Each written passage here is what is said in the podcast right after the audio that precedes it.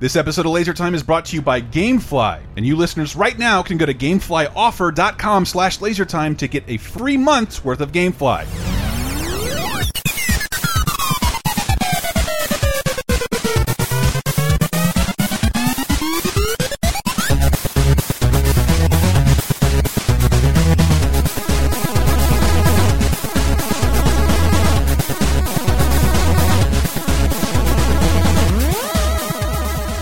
Indian come to life. Welcome to another episode of Laser Time. Uh, the internet's 17 leading pop culture show each week, picking a brand new topic, grabbing our panel of experts and friends, and usually doing a little uh, wonderful research, adding you a little multimedia stank that your other shows don't do. I'm one of your hosts, Chris Antista. Who else is with me? It's me, Sarah. It's our Sarah of 30 2010 fame. It's that's true. Every week on the Laser Time Network, a pop culture journey. Thank you so much. Hey, we have a new, uh, we should have a brand new video game episode of 30 2010. Patreon.com slash Laser Time. Big shout out to you guys for making us, uh, keeping us going. And who else is here? Sorry, TL, I plugged it before you, before we got to you. That's all right. I'm obviously I'm TL Foster. TL, That is that is my new opening for everything. Is just obviously. obviously. That's a love is blind shout out to all you basics out there like us. and I'll, I'll let I'll let you in later on what my inappropriate opening segment was, but it was something Sarah and I were talking about in uh, the show we do 30 2010, which is a little look at the decades uh, this week of, of three decades past. We're- Right. now, it's so weird not to be in the 80s. We're in 1990, 90s, 2000, 2010s, right. And the stuff that comes out, and eventually you get uh, like a coast to coast winner, like oh shit, Rayman was out. Rayman 2 came out in two different decades on iOS and Dreamcast. Wonder what am I talking about? But this episode is all about uh, forgotten adaptations. We are we're swimming in adaptations of things right now. Live action adaptations of cartoons, uh, comic book adaptations, all that kind of stuff. Non original content, but I wanted to take a look at both obscure and huge things that were adapted into movies that the public has completely forgotten about. And through 30 2010, we talked about recently two things I was reminded of, and they're both weird. Uh, two adaptations the world has completely forgotten about. And uh, and, and that, I started researching this a long time ago. I didn't know we get to it on 30 2010. You can he listen to that show because Diane actually watched it, so she can talk more about it as a movie. Um, but hand, The Handmaid's Tale, Right. from Right. 1990. The Handmaid's Tale. if Hulu fans know exactly what Handmaid's Tale is, based on uh, Margaret Atwood's book um, of what was it, 1980? I don't even have my notes open. Uh, but but uh, yeah, like a, a revered feminist novel, Right. which was immediately adapted. Well, um, relatively five years later, was adapted into a brand new movie starring Natasha Richardson, Faye Dunaway, and Robert Duvall. Once upon a time in the recent future, a country went wrong. The country was called the Republic of Gilead. Ecological disasters ravaged the land, resulting in civil war, political turmoil, and widespread sterility. Only a very few women could still bear children. These women were called handmaids. it Sounds so dramatic. It's like they're gonna murder these women are gonna are gonna murder the shit out of everyone. the Hulu show's won Emmys. Like it's Yeah. got critical Right. acclaim. I hear it's gone off the rails Dexter style as they've deviated from all the novel source material. But but before that, most of you have are familiar with what The Handmaid's Tale is. If you're not, it's the story of a culture that takes a weird right wing swing really fast and completely changes, and all of a sudden. People go sterile, and the women left alive that can birth babies are now sold off to rich people, so the husbands can. Whew, uh, I don't want like I- Impregnate them. I and- yeah. I know like the, like there's rapey vibes all over this book, all over this novel. It's difficult to talk about in that sense, and what made this really difficult, Sarah, and which is why I'm just like I didn't watch the movie. I looked at the marketing and the responses to the movie. yeah. And like, I don't think I've ever been. eh, You can look back on anything 30 years ago and be a little horrified with your with a modern woke eye, Right. but the responses are like crazy because in terms of what this is a feminist novel with some really ho- horrifying visions of the future but it kind of has to market itself as an erotic thriller. Yeah. so on the top of the, the poster as diana had pointed on 30 2010 isn't what you've seen of elisabeth moss shadowed and bonneted mm-hmm. very classy. Mm-hmm. It is natasha richardson uh, the late great natasha richardson mm. holding holding a towel up to her tits with bare shoulders with the quote what does it say? A psychosexual tour de force, Playboy from Playboy. Uh, Like Yeah, well, yeah. Wow. The the very woke Playboy, right? Like the the the very sexy sexy idea of of a country that has to like basically buy off women and force them into sexual relationships. Sexual That's so sexy. servitude. Forced sexual surrogacy. Yeah. Yeah. Well, I guess at that point, if sex is involved, we're gonna make it sexy. And so Yeah. I didn't want to grab a lot of direct quotes, but I love pointing out Peter Travers, hype whore from Rolling Stone, was just mm-hmm. like, "This isn't sexy enough." that's like that's like his response, and I'm like, "Well, what did the women have to say about this?" Mm. And even they were like, you could wag their finger, like, "There's no way society would ever go this wrong." I'm like, Oh. "You fucking lady, you don't want to be alive in 2020." Um, Yeah. because that again, I think the Hulu show started filming before 2016 and like Right. hit right after Mm-hmm. the election. Like, oh shit, a society can go mad very quickly. Oh, yeah. and I, that's what I loved about it. Like, it's very creepy. But well, like, yeah, that's but- why I could only watch the first season, and then it's like you know I want to revisit this But- when things are less fraught feeling, Right. AKA There's a- potentially never. yeah, but, yeah, I can enjoy it best with a time machine. Yeah, but, yeah, but like that's exactly. what's Sarah and I talk about doing a laser time about erotic thrillers all the time. time. but you have to think about a husband and wife. Uh, they don't have the internet, and Mm-hmm. they're too afraid to go get porn together. But oh boy, do they love going to watch erotic thrillers? Michael Douglas can do no wrong. Oh. and, and they lo so you have to imagine them walking in the, the theater thinking they're seeing like fucking Sliver. Yeah. and it's The Handmaid's Tale. like there's nothing, there's nothing, nothing that's going to make you fuck your brains out after. Or at least there shouldn't be. Right, right. After- Like you, you shouldn't be like after watching the movie. Oh, this is a very sexy time. Yeah, like, yeah. it's like I mean, unless you're into some very like puritanical sort of threesome Yeah, right. situation. Hey, honey, what do you think? What do you think about me railing you with your head in my brother's lap? That might be fun. Like, Wait, whose brother? I don't know. I forgot how the this Handmaid Tales situation. I don't have a brother. Don't don't fucking put projection on me here. Uh, but but like, uh, the, I I didn't even know this existed. I never even heard about this is a book until 2016, 2017. Right. Oh. Uh, and I know you have as a reader and a feminist, but like, uh, yeah. I'd never heard of this at all. So like, I was even looking for information in like every article, like there was a movie Yeah. about this already, and yeah, it did pretty terribly. It bombed pretty big time, uh, doing a disservice to what I think was a momentous book. So Oh, like, sure, yeah, I have a was a bunch of deal. categories here. Sarah's here for the book angle of Mm-hmm. adaptations because sometimes you know we have a, you have your uh, actually every almost every movie we see is based on a book if you include comics Right. because Yeah. I, I was even looking like uh, the hate you give that's a book Yeah. uh 50 shades of gray that's a book Mm-hmm. but like most people don't revere them more than their source material Oh, Right. So- certainly. Someone was asking me the other day that actually, is there any book that, or is there any movie that's Framed Roger actually better than the book? sorry, sorry gary but it's only it's only because the characters they use the universe he sets up is there yeah. yeah. but it's comic strip based and not cartoon based Right. But i vastly prefer the movie because of the, the course it took Yeah. I, I'm having a hard time picturing. I, I do have one that I'll talk about Okay. later on uh, related to one of these. I really do. Okay. It's, it's a controversial opinion. And I have TL here for the nerd factor because we were also on 30 2010 brought up this the the much awaited sequel to a game series called Dead or Alive. Right. And I had to explain to Sarah and Diana to casual to non gamers that like this was a huge series. yeah, the booby game. I mean, that, like that's like what it was marketed as, What? right? Dead or alive? No. What what do you mean? Because the, jiggle thing. Oh well, yeah. Actually, yeah. Well, uh, Dead or Alive was a, Uh, a- it's, it's a it's a so it's a very it's a very important fighting game. I want to say that before. yeah, I it get was. It- it- murdered. but it It's- it, yeah. it, it eventually completely through its marketing and its spin-offs leaned into the lady factor. Right. like realistic boob jiggle. All that the settings that could make it better. If you look at the commercials for Dead or Alive two or especially three, it's just guys staring at a jiggly polygonal breast in slow motion, exclusive to Xbox. yeah, I think And- there was there was even Men one. are so weird. it is. And there's It's one. not us. I, I don't. it's the I- people marketing to us. I don't know if it was a Japanese. You're the Japanese. one with eyes looking at it. I don't know. I remember watching Spuds MacKenzie commercial. I'm like, I could never jerk off to a lady who wore a bathing suit that high. Like, that's ridiculous. But like, there's like there was like a Dead or Alive commercial where it's like a, a guy in like a white outfit and he's like on a backdrop. I'm not sure if this is just Japan only or if it's um or it was like American as well.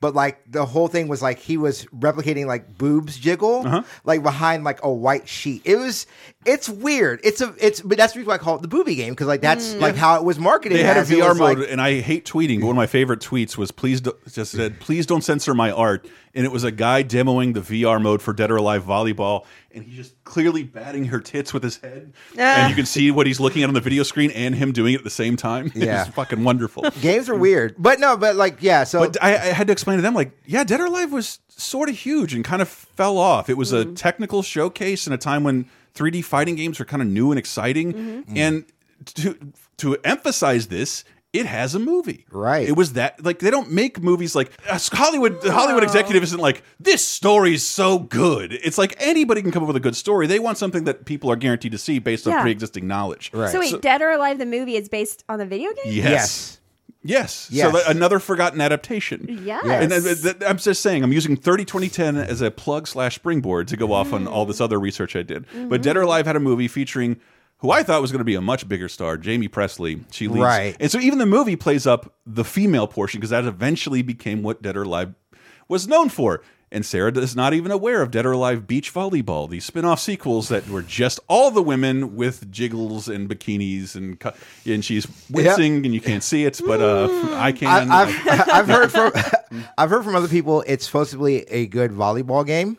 Yeah. Um. That, that that's that that is what like that's game. that's what but that's what people have said. It's like oh this is a pretty good volleyball I, I can't remember if that's the game that like if you win you can like get control of the camera and put it wherever you want. Some It, shit there like is that. like there's like mini games. I have not played this game. I want to I want to say that up So it- it- yeah, it did- it- but there's like mini games where you can like Oh, we played it. like move around Yeah. the characters. I have not played it. Yes, but then you that's can like your reward. You're rewarded with and, like, being able to play around with their models and dress them up.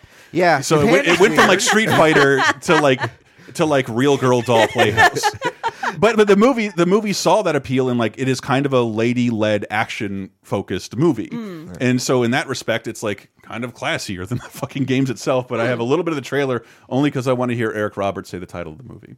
From international spies to elite assassins. The world's greatest warriors Welcome to DOA. have been brought together Fights can happen any place against anyone. for the ultimate competition. Bring it on. Dead or Alive Championship. They kept with the premise of the game. Yeah. It it, it but that's the thing, like I I love thinking about franchises that just kind of fall off and like that's my evidence to like children who don't care. No, Dead or Alive was huge. Here's the movie that was made off of it. And now I don't think most people under 20 have ever heard of the series. Right. You know, it's it's a very it's a, it's a niche series. It was like it, it's a niche series for people who are my age, let alone people who are younger. Right. Yeah, it was kind of niche back then, but Yeah. like Microsoft bought it up as an exclusive. It thought it would sell its new Xbox platform Right. if it nailed down this exclusive, and now it's just like sort of gone. So I tried to grab again high profile forgotten movie adaptations. Mm. Obscure ones, stuff that we like, and I want to hear from mm-hmm, you guys. Mm-hmm. Uh, things that that you movie adaptations that you liked, and we'll get more into that right after this tiny tiny break. Thank you, fine folks, for listening. Hope you're not too bored. You know what the perfect solution is for being bored and always has been? Goddamn video games. Haha, that's why this episode is brought to you by Gamefly. And just so you know, you listeners can go to gameflyoffer.com slash lasertime and get started with a free 30-day trial of the service. What is Gamefly? It's like Netflix, but for games. You should know that by now. You create a queue. They ship out uh, two to three games to you. It's up to you. You play them for as long as you want, ship them back, and they'll just keep on shipping stuff from your queue. This is a great way to save money on not only playing a bunch of new releases, a bunch of old releases, because not only does Gamefly have over 8,000 titles ranging from PS4, Xbox One, Wii U, PS Vita, they go all the way back to original Wii, the original Xbox, PS2 in certain cases. I know, right? And to sweeten the service even more, Gamefly allows you to buy a game back. Have you kept it out for a long time? Do you want to just keep it? Are you that settled into the multiplayer? You can buy that game back from Gamefly at an extremely reduced cost, and they'll send you the box and manual as if you purchased it anywhere else. Once again, you don't have to take my word for it. You can get started with a 30-day free trial for yourself by going to gameflyoffer.com slash lasertime. Hello, fellow nerf herders. Did you not like Last Jedi, Rise of the Skywalker, or would you just prefer a majority of Star Wars fans take a slow walk into a volcano? What I'm saying is, are you sick of Star Wars? Well, I thought I was, but my co hosts Jeremy and Adam beg to differ, except when they don't. Get ready for a whole lot of love, a whole lot of hate, and a whole lot of geeky therapy in our new series, Sick of Star Wars with a big giant question mark, exclusively available at patreon.com slash lasertime. Here's a little taste. McClunky. George Lucas might have made the most wonderful anti-capitalist movie we've ever seen and be enjoyed by millions. I respect that. And and we'll never. But we also, in our current reality, will never get anything like that from Disney again. That challenges things on the level that Phantom Menace is starting with from Disney ever again. So I hate this fucking movie. but, but like I hate the one of the newer movies for different reasons and because Yeah, it's bad art. But so but this is bad art for different reasons with good intentions. Whereas that one I don't think came from a place of good intentions. It came from a place of pandering and appeasement and mm-hmm. and, and trying to make the most money possible Oh, by, by trying to rock the fewest boats. Mm-hmm. This movie, sorry, Jeremy, you you no, go. no, no, no, no. You're, you na- you nailed it. I've, I've pretty much got to the point of mine. You go. The, the, what- the reason Because why you know more about the history of this kind of stuff. Yeah. And, well, I mean, and I did. Uh, who did in 1999? Like I was, Yeah. I I, sh I was in college. I should have known better than both of you. And now I understand, like, it's the, the like the Trade Federation is like an analogy for like ancient Carthage. If anybody even remembers ancient Carthage, they were. is that what I have between my bones? Yeah. I went to this movie to watch lightsabers and, and fucking, and They fucking do X-Wings, do boys. that. McClunky. Oh, that's sick of Star Wars. Available exclusively at patreon.com slash lasertime, along with weekly bonus shows, over 100 movie commentaries, exclusive bonus podcasts, and more for just five bucks. And that's in addition to the brand new show, Sick of Star Wars, an angst-ridden podcast, an angst-ridden podcast saga told in nine parts. Listen long and prosper. This is so wizarding. Would you like exclusive bonus podcast commentaries and more from the LaserTime crew? Then we strongly encourage you to support this show on patreon.com slash lasertime. It supports not only this show, but all the rest of the LaserTime network. You'll get commentaries, play games with the hosts, see exclusive videos first, and receive an uncut weekly ad-free podcast bonus time. Speaking of which, here's a quick taste. Chris, you got your COVID 19 test and you passed? I don't know. Uh, yes, I passed. by getting it. Um, but I, they probably didn't tell you you had it from an automated phone call. No, I was talking to real people the whole time. Right. So my lady friend uh, who works in, uh, I'll say barbarism, hairdressing. Uh, she she has she has taken to making house calls outdoors in a, sanit a sanitized situation. The guy she talked to showed her this automated message. Have you ever been given one of those spam calls? The police and the IRS are aware of your misdoings, and like it's a robot, right? Yes. You've had one of those. Oh yeah. So he them, said, yeah. like, listen to this fucking phone call I got, I can't. and it sounds just like that. An individual who has tested positive for COVID 19, also known as the coronavirus, has identified you as a close contact. It is imperative that you promptly take the following actions to protect your health and the health of others. Please self isolate immediately in your home. Uh, it's Yeah. a it's a text to speech program, but I get a I get a ton of these, and this one sounds just as fake as that. But it's still like that has to be the scariest fifteen seconds. And then and then of course like the dude's like freaking out. Who the fuck could this have been? I can imagine this is an automated test, and they just added in my number because they didn't want to go through the personal shame of telling me I should continue to listen. You are especially at risk because you have a tiny wiener. It is so small and therefore you will become much sicker than an individual who had, oh, let's say even an average sized or slightly below average sized weenie because your weenie is so tiny. The CDC is reporting nearly a 100% death rate for people like you who have small wieners. This is especially troublesome for you because your weenie is the smallest weenie in the whole world. So this is real because this dude still doesn't know who sent this to him. Get Bonus Time, a weekly uncensored and commercial-free podcast every Tuesday, starting for just $5 on patreon.com slash lasertime.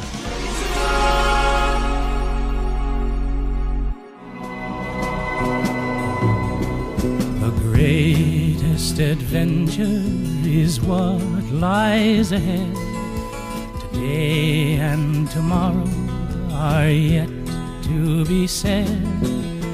I'm not letting the panelists here hear the music that we're coming in with, but you consider yourself listeners officially teased. Uh, does lie ahead. Uh, but I, I wanted to talk. We're talking about forgotten movie adaptations, and I got TL here to represent the anime beat. I guess. And and just I, I went down a rabbit hole for some reason for Fist of the North Star. Fist of the North Star, big anime, Right. Huge. So yeah, Fist of the North Star is it's a huge anime. Mm-hmm. Um, I want to say it came out like '82, but it's so. What's weird about this is Fist of the North Star is literally the guy who wrote it. His adaptation of the Road Warrior because there's a lot of similar, you know, I you know just Mm-hmm. Post-apocalyptic. It's I'm gonna- literally it is literally Road Warrior. Like he goes tries to get gas. He's you know it's it's Mm-hmm. He very has, much he has mini bosses like in Escape from L.A. yes. Um, which was weird because, like you mentioned, like, oh yeah, did you know Fist of the North Star had a live action movie? I was like, excuse me, what? I didn't know. So that's why I wanted to bring it up Yeah. because this also like uh, not unlike DOA, which I think may have been theatrical abroad but made straight to video here. Right. This was straight to video here in 1995. Hmm. So sadly, my introduction to Fist of the North Star Oh. was this movie.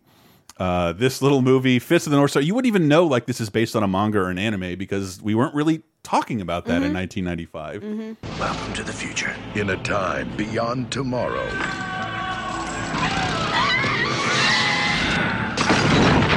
a new order has begun.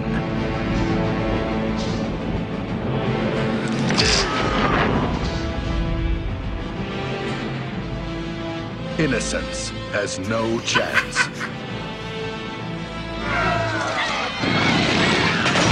And only the North Star can bring back the peace. Fist of the North Star. There it is. Ah. The titular line.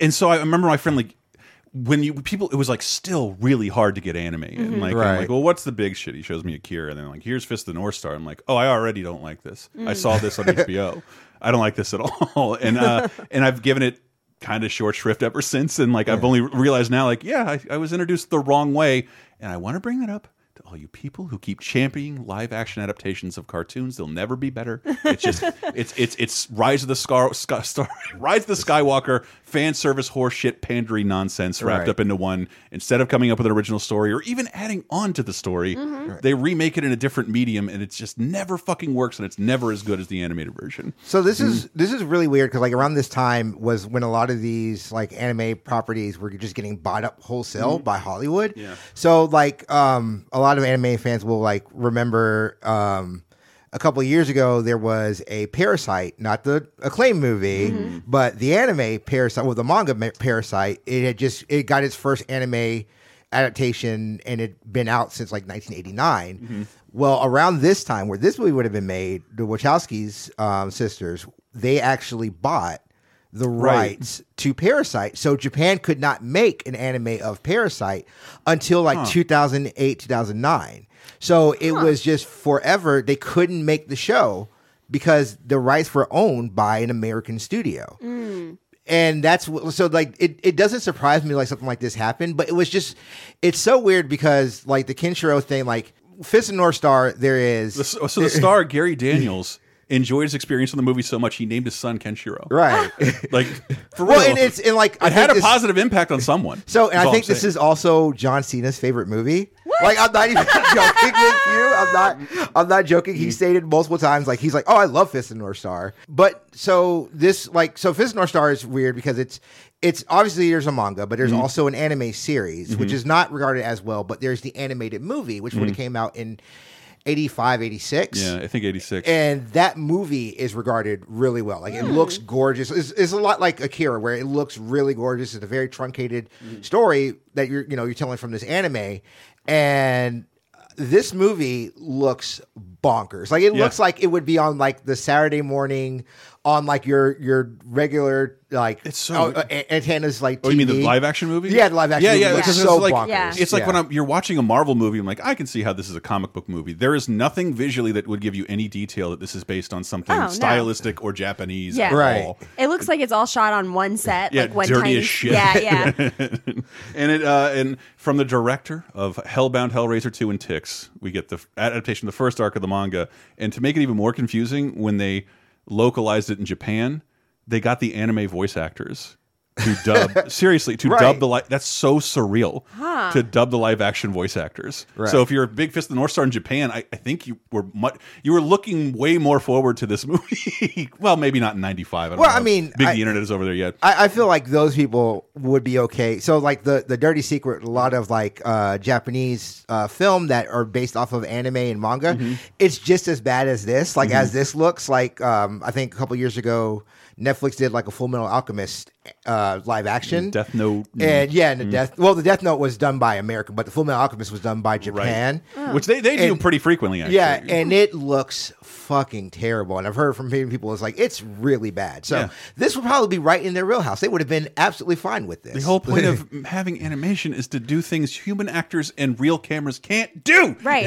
it's just goddamn. It's never uh, to me. I I'm an animation fan first and foremost, and I hate seeing this kind of shit. I, I didn't I didn't want to go into too much detail on it, but I'm like I like I like where Dragon Ball Evolution is to where like just gone forever. Yeah, well, not kind of gone, but just like the fans. Considering how vocal Dragon Ball fans are, Mm. no one was even really mad at this. Even Akira, like uh, he, they were just like, "Yeah, it's just an alternate universe, and like you can accept it or not. Who cares?" So I, I have actually have a story of Please. watching that movie. So I I got embraced. My buddy was in China at the time because Mm-hmm. this came out. I think it came out here last.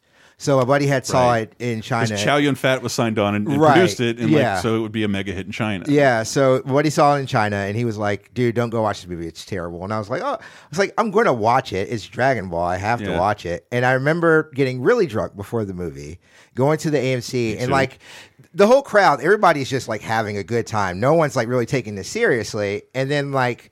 Like the movie starts, and I, I think I'm talking to my friend, like telling like some shitty joke that wasn't funny, and like I remember vividly this girl turning around, like, "Shh, some of us are trying to watch the movie," and I just wanted to be like, "This movie, Yeah. like, She was fully decked out in Hot Topic. I want to know more I about assume. this. I want to know more about this white Goku.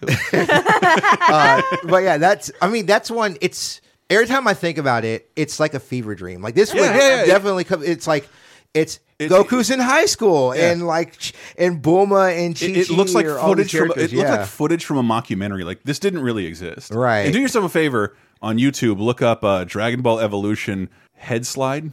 There's a wonderful re-edit of Goku's head slide across a very American car. I'll show you guys later. Oh. It doesn't work. Hmm. It doesn't work here. And I only thought about it because my my girl is getting getting me into the show Shameless on Showtime. Mhm. The main girl and her main squeeze, she's she's Bulma in the, in Dragon Ball Evolution. He's Goku.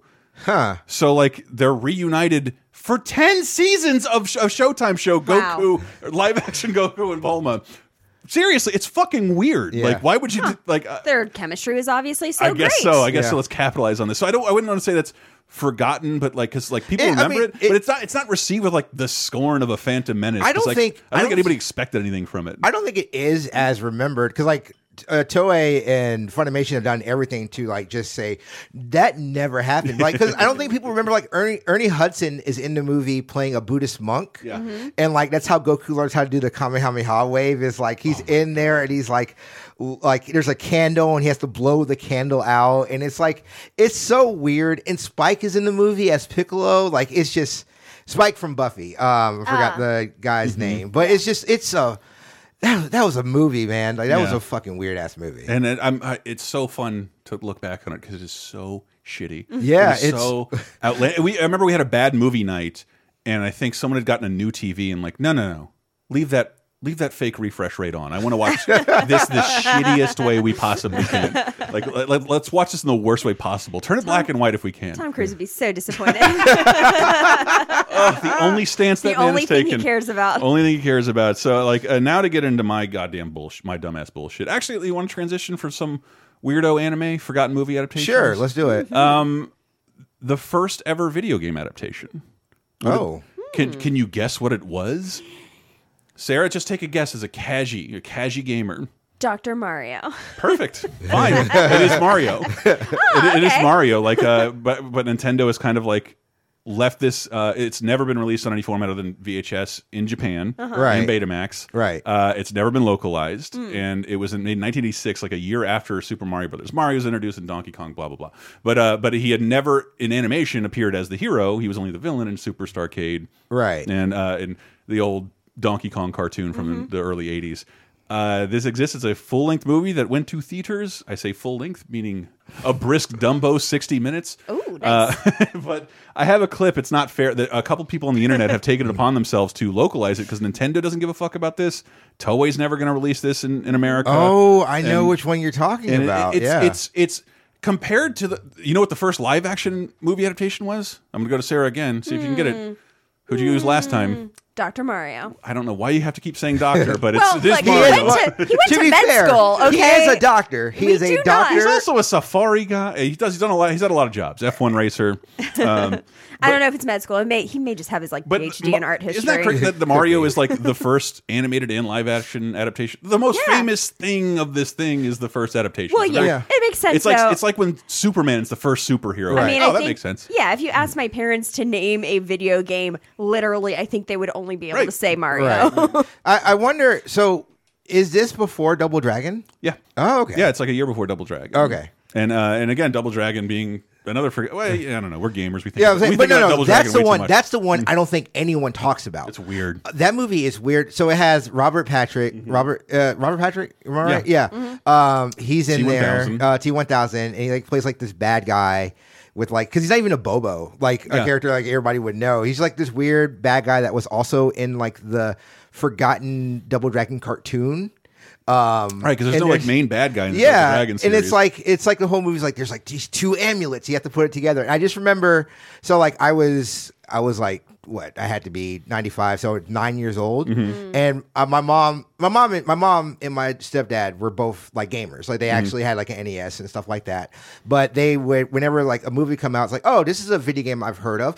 Travis is fine to watch that, and Mm-hmm. then like so I I would watch that movie and I would just be like this is nothing and like I, I also didn't have a reference for double dragon because i i was too young when double dragon first came out so i was just like i don't get any of this stuff what i have no idea who billy and jimmy are and I, all I these played through all the things, yeah. games and like I didn't even know their name was Billy and Jimmy. I don't fucking. I, I don't know any of this. Right, so, I just want to grab a girl by the hair, kick her in the stomach, and take her chain. That's how that game That's- starts. That's how That's the game literally works. how that game starts. Oh, if you're Uh, climbing out a ladder, that's an insta kill, baby. Yeah. Uh, but, but the Mario, the Mario movie is like, well, Mario's arguably way more popular, and there's a shitload of money to be made on any kind of release of this, and Nintendo hasn't done it. This is a clip of the fan translation, but it, compared, to, we were I forget where we were talking about this, but I think it's a popular theory. The Super Mario Brothers movie is terrible. Yes. but would be so fine if it wasn't a Mario movie.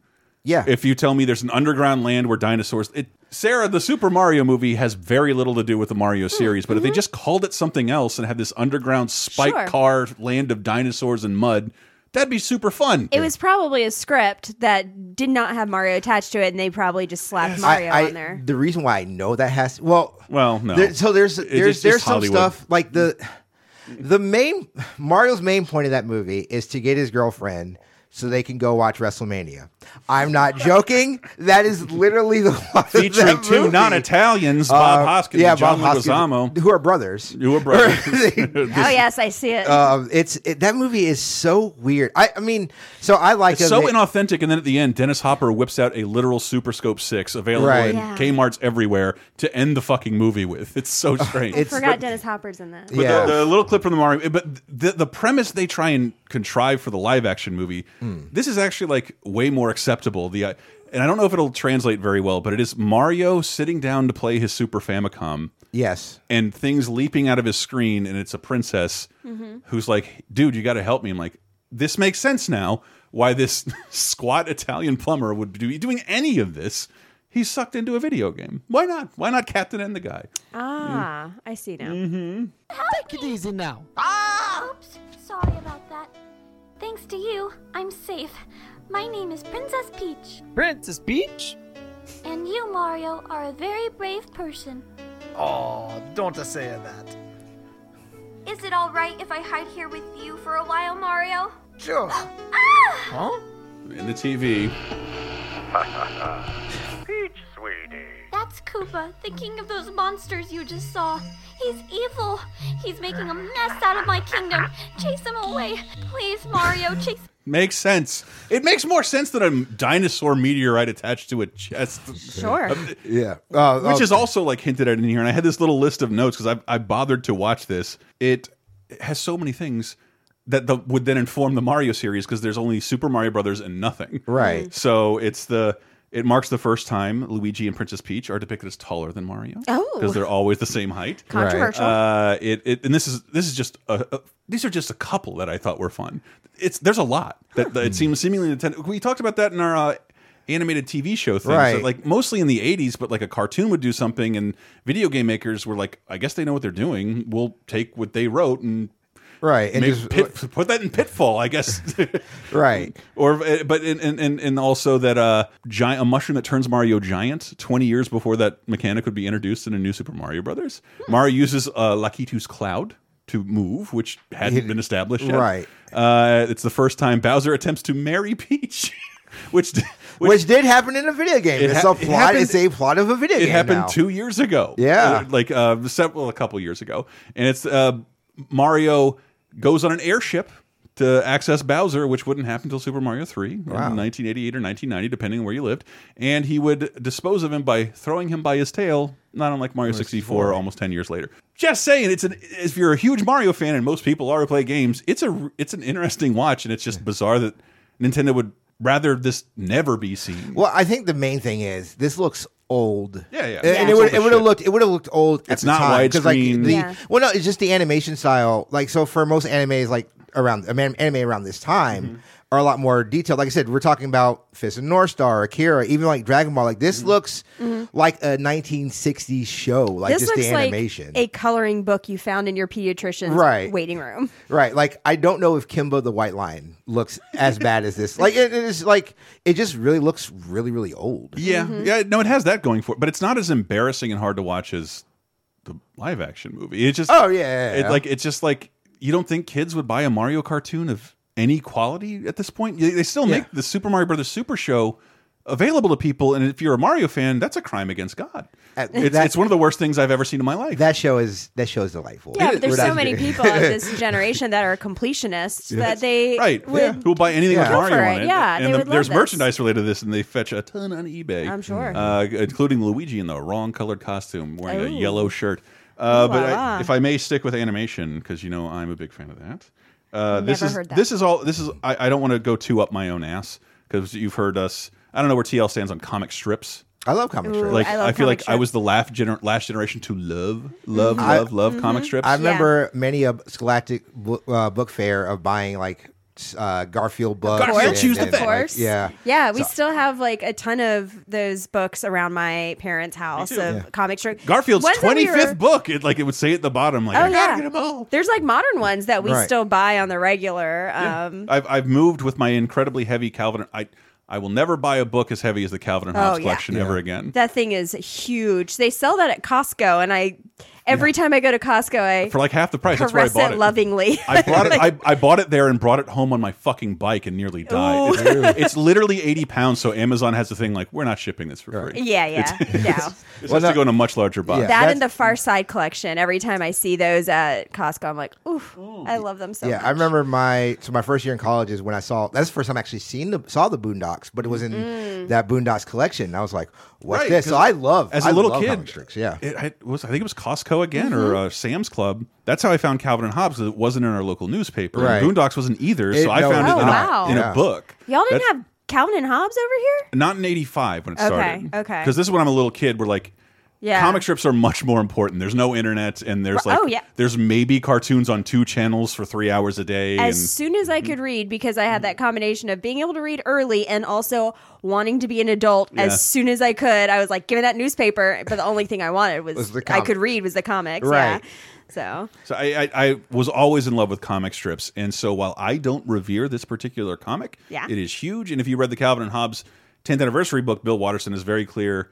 Here are the three greatest comic strips that I base Calvin and Hobbes on. Krazy Kat uh, for the art style, it's beautiful. You can mm-hmm. very clearly see the visual style. It's from like the 30s. Mm-hmm. Peanuts, of mm-hmm. course, Right. because of the, the just the brutal honesty, and uh, a, sh- a strip called Pogo hmm. which was really important to me because like I don't know. I grew up I grew I was born in 80 and I just remember my parents had Pogo and Ziggy books. So I grew up like reading these weird fucking half LSD soaked 70s comic strip collections. So but Pogo was really hard to read because it was very wordy It's famous for coining the phrase uh, "We've met the enemy and he is us." Right. Oh, So okay, it- you might, interesting. Sarah, you might not know Pogo because I guess most people don't. It, it was just it, it.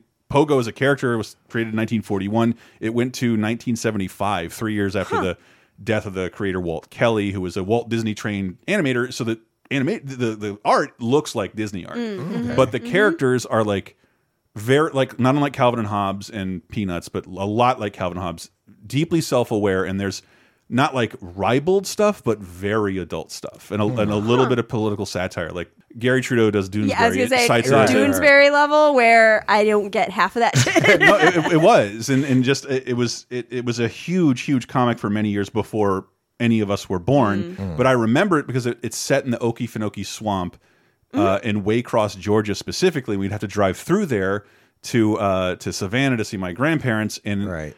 Japan has mascots for every city. I know. But So Waycross jealous. adopted Pogo as Mm-hmm. their ambassador to the town. So when you drive through, you just see giant things of Pogo, and so like it made it seem more important to me. And I realize now that who I'm talking to has no idea who Pogo is. But, but like, but there have been there have been comic strip adaptations. Like Blondie has a shitload of oh, unoriginal Right, yeah. adaptations. But I never Oh. loved fucking Blondie. Almost every. No, that guy ran comic into the strip. mailman. That's a great punchline. I don't know, For I- I- the fiftieth time. I mean, all, the only good thing about That is a Blondie big is sandwich. Fantasizing about Right, those sandwiches, sandwiches. yeah. yeah. like I, I am constantly on the quest for the perfect sandwich. And, but I mean, yeah, Cathy has had it. I'm pretty sure Foxtrot has had. A li- oh, uh, yes. Well, no, they- we did a whole show about that. Yeah. You can hear Baby Blues, I know did Yeah, one. yeah, a ton a of crime time yeah. one. But like uh, as far as movies, like I would even say, I mean, are we aware that there are five Charlie Brown movies out there? And Well, like, I mean, yeah, like uh, yeah, like there's like like I, I- I, know my, I'm saying I was. I'm just I'm like my generation. I think that was kind of the introduction of Peanuts. Like was like you know you're a good man, Charlie Brown. The the summer camp one, right? Um, Mm-hmm. Race for your life, Charlie Brown. I got you. Keep uh, going. odd, odd, um, Bon Voyage, Bon Charlie, Voyage, Brown, Charlie Brown. and Never Come Back. Like that. Yeah. That movie traumatized me as a kid. Dude, those, Uh, movies, those movies, I love those movies. Yeah. they're really good. But um, like I and was Charles like- Schulz wrote them all. Well, and I, and I think like stuff like uh, for better or, for better or worse. Um, Oh, yeah. That's the like that to me. I very vividly remembering that being a cartoon that Mm-hmm. helped like So weird. do that story because that's like a comic book strip. Uh, that It's just so kept down- on going. Like it's Oh, just yeah. like those, those characters grew up and Yeah. they had kids. yes. And yes. the dogs died. And, And very yeah, tragically. yeah. R.E.P. Farley. Right, Oh, which Farley. which would mess me up. Like when so when I was living in Mobile, the newspaper decided to go back to when it started. Mm-hmm. So no, you she, have the, the those creator characters. did. She got divorced and wanted to like reword or the stories of Okay. this married couple and kids because she was basically starting a second life in like her 50s or 60s. Well, for better or for worse, no longer applies. I guess. So, yeah, so like it was weird because like I know these characters as grown adults and now they're children again, and one is a baby. Like this is like what the like this Oh, is so weird. This is making me so badly want to go find some of those books. And you know, you go into any Goodwill, they mm-hmm. have a whole Oh, yeah, section. I'm sure. We have a whole episode about adaptations of comic strips because this was after Peanuts, m mostly the Charlie Brown Christmas special. Every Right. every comic strip that was mildly successful got a special at least, and we have a ton of them from BC to Cathy to BC, Jim, Jim wow. Henson. If he had sold his Wizard of Id pilot. Oh He might not have made the Muppets. It's a fucking nightmare alternate reality. I don't even want to think about. Oh, uh, shoe. shoe. Oh my god, shoe. Oh, I even remember the car he drove. I don't know why I know so much. I, I was like the last. I, yeah, I It's think- because all of this got imprinted on your brain when it was still super mushy. Yeah. Well, and, and- and and it doesn't go away. It was the only kid shit you had available. Yeah. Right. Like in a, it- like in a time right before like your Tiny Toons and Batman the animated series, there wasn't daily cartoons. Yeah, and you could count on it. You it could watch every Heckle day, and Jeckle yeah. public domain badly colored cor- cartoons with some racist shit in them, Mm-hmm. Or you could like read like read the daily newspaper. I had got my grandparents to send me their newspaper because they had comic strips. I didn't. Ah, the Lockhorns really hate each other.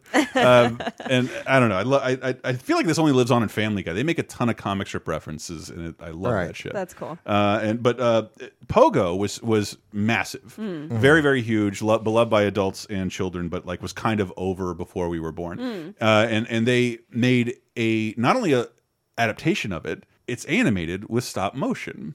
Hmm. And then I looked into it. It's totally forgotten. It has terrible reviews. It has a, a voice, a star-studded voice cast of '70s tastic voice actors that people listening won't remember, like Vincent Price, Jonathan Winters, and Ruth Buzzi. Ruth Buzzi. yes, yes. Uh, when Disney was a smaller studio, they released Wow. a, if you if you if you're a kid of the early '80s, you might have a clamshell Disney VHS that like what is this? That's Pogo. They released this movie because it was a 1970s animated movie that was made independently in like fucking Virginia over like the course of a year and full stop motion. Pogo for president because it was a a giant parody of the elections that were happening because it was Ah. a crossover adult kid friendly. I have a clip of it, but it's pretty awful. Well, I Uh, want to see it because I'm afraid yeah. it may jog a memory. I, you would you might recognize. Good news, Pogo, my lad. It's time to run. Now that's subtle. Run? Run from what? The presidency. So much for being subtle. Hold it! Stop the show right here. Y'all got me to run in the past, but never again. But, but, but, but, but, but, Forget it. I don't even like to walk that much. Oh, sassy. It was not very well received for what at the time I think it was one of the most popular comic strips because I mean I grew, I'm like the same age as Garfield, so I grew up with Right. him. Uh-huh. Calvin Hobbes came out when I was five, and it was just it eclipsed everything else. But Mhm. before that, there was Pogo. Pogo. Uh, yeah, it kind of looks like um bone. Right. Yes. It looks a lot Yeah. like Bone. Yeah. And I was I was saying like it would be like when I was listening, I was like, you know, you could redo that and do like Jack McBrayer as Oh, fucking yeah. Pogo. It would Yeah, be yeah, so, yeah. It'd be so great. And that's I think the real tragedy. They were reprinting it because like people still wanted to read it, Uh. but it's very wordy. And Mm. when newspapers shrunk the comic strips, again, if you've read Bill Watterson's 10th anniversary book, he bitches about that constantly. Our town missed that first Calvin and Hobbes joke because they wouldn't print the top part with the extra Oh, joke. yeah. I never got those until I was able to read get the books. Oh, and when wow. they shrunk Pogo down, people couldn't read the words because there were so many. It's sort of like trying to read an uh, original X Men comic on your phone on your iPhone. it just doesn't work. But yeah, Pogo had an animated ad adaptation, and this movie's nowhere. It's nowhere. It doesn't exist. People. I- don't know. We had another another show about lost media, but I'll get a little more. This is this is me getting up my own ass right now, uh, and I do appreciate you indulging me. Uh, but it, because this is the most up my own ass I'm going to get, because you know, Baby Boy loves Christmas specials. And Oh. I've talked about this Oh, before. We know you do. I've talked about what's what. Name some famous Christmas specials for me. Just all, right, Rudolph right- the Red-Nosed Reindeer. Perfect, Sure. Sarah. You got one famous Christmas Oh, special. That's not Charlie Gosh, Brown. I'm totally blanking right now. I'm What, terrible. Oh, the maybe Heat like a- Miser uh, one. right? Yeah. Uh, uh, is Frosty that- Snowman. There you go. Yeah. What you you just mentioned three specials, Mhm. technically four. Uh, they were all made by the same studio. Mhm. What if we were to combine them all into one movie? Sounds wonderful. It, it did happen, but it did terrible. it's a forgotten movie. It's, and again, I only mention this. I know it's cheesy, and a lot of listeners don't like that stuff. Uh, but Rudolph the Red-Nosed Reindeer, Frosty the Snowman, and things like uh, Santa Claus is Coming to Town still play on network televisions annually Yeah. and have been seen by millions of people. Like, like not just you can't even calculate how many people are aware of these things. Right. And I don't know if kids love them, but I and I never did until like it was just nice to have a holiday tradition or like Mhm. a thing like if I don't record it, like there's just this one thing that comes on every year and it's kind of weird and fun to watch. Like cool. I think there's still an audience for it because, like, I know Yeah, CBS makes a it. big, big deal. Like, Yeah. Rudolph is coming on on this day, and that's Mhm. like to me, that's like signaling, okay, it's Christmas time because, Yeah. like, now you're going to do Rudolph, and as soon as Rudolph's on, for we're, oh yeah, we're ready. We're ABC ready. Family now Freeform makes Mhm. a whole Yeah. month out of And it. And so for 50 years, these things have played, whether you like them or not, have played for years. And there's a movie that combines all the universes together that nobody cares about called Rudolph and Frosty's Christmas in July. These are all based on uh, the Rankin Bass specials. I did a podcast recently talking about Rankin Bass, the idea that like they were locked to Christmas the same way George Lucas was locked to Star Wars. Every time they tried to deviate or do something different, the public said, "No, you should make a new Christmas special," and they would. And this is, I think, the last time, and, and it's all the original voices. It's uh. It's uh again, no one cares about this with me. I'm, Billie Billie Mae Richards is Rudolph to me is an indelible voice. Mhm. calling me names. Yeah, yeah, yeah. Uh, Jackie Vernon as Frosty in stop motion for the first time, Rudolph in stop motion for the last time, Right. And Mickey Rooney reprising his role as Santa Claus. Mm. And I don't remember. I, I don't even remember what my fucking clip was. This so long ago. Tonight, our stage is set for fun with Rudolph, the red-nosed reindeer, and Frosty the snowman. The season's favorite pals in a fantastic holiday adventure. Rudolph's magic shall not glimmer. It, it won't light up. Oh, I love Paul Frees is one of my favorite voice actors ever. He's also in this. I love this shit, but it, watching this, yeah, 60 minutes is about as much as this can withstand. sure. It can't. Yeah. Even the extra half hour is excruciating. And if, if it weren't bad enough, it rewrites Christmas. What? it tells the tale of a wizard who controlled the North Pole and the the nice wizard lady who fought him off. And then it it goes back in time and with my last bit of magic powers, I will anoint Rudolph with the power to light up his nose as an act of purity. Uh, so So wait, wait, wait, wait, wait. No. So does he go? Does she go back in time? No, it's like it's childhood? established that she did that from the beginning. The reason Rudolph has a red nose is because of this fucking ancient fight over the North Pole. But wait, that's, why Sa- I'm not kidding. Okay, And- and that- does Megyn Kelly know about this? Because I feel like she would have some problems. it, it, it helps anoint Santa, and it, she tells if you ever use your powers for bad, Rudolph, if you use your powers for evil, it, it, How would he use his powers for I don't understand that part of it. please don't watch this movie. Is all I'm saying. like It's all- if he's in a movie theater and he's trying but to even for a, like, let's say a selfish phone. reason, Frosty has to. Have, it's called Christmas in July. Frosty has to be anointed with a reason to not melt as they leave the North Pole for the first time. It's profoundly surreal.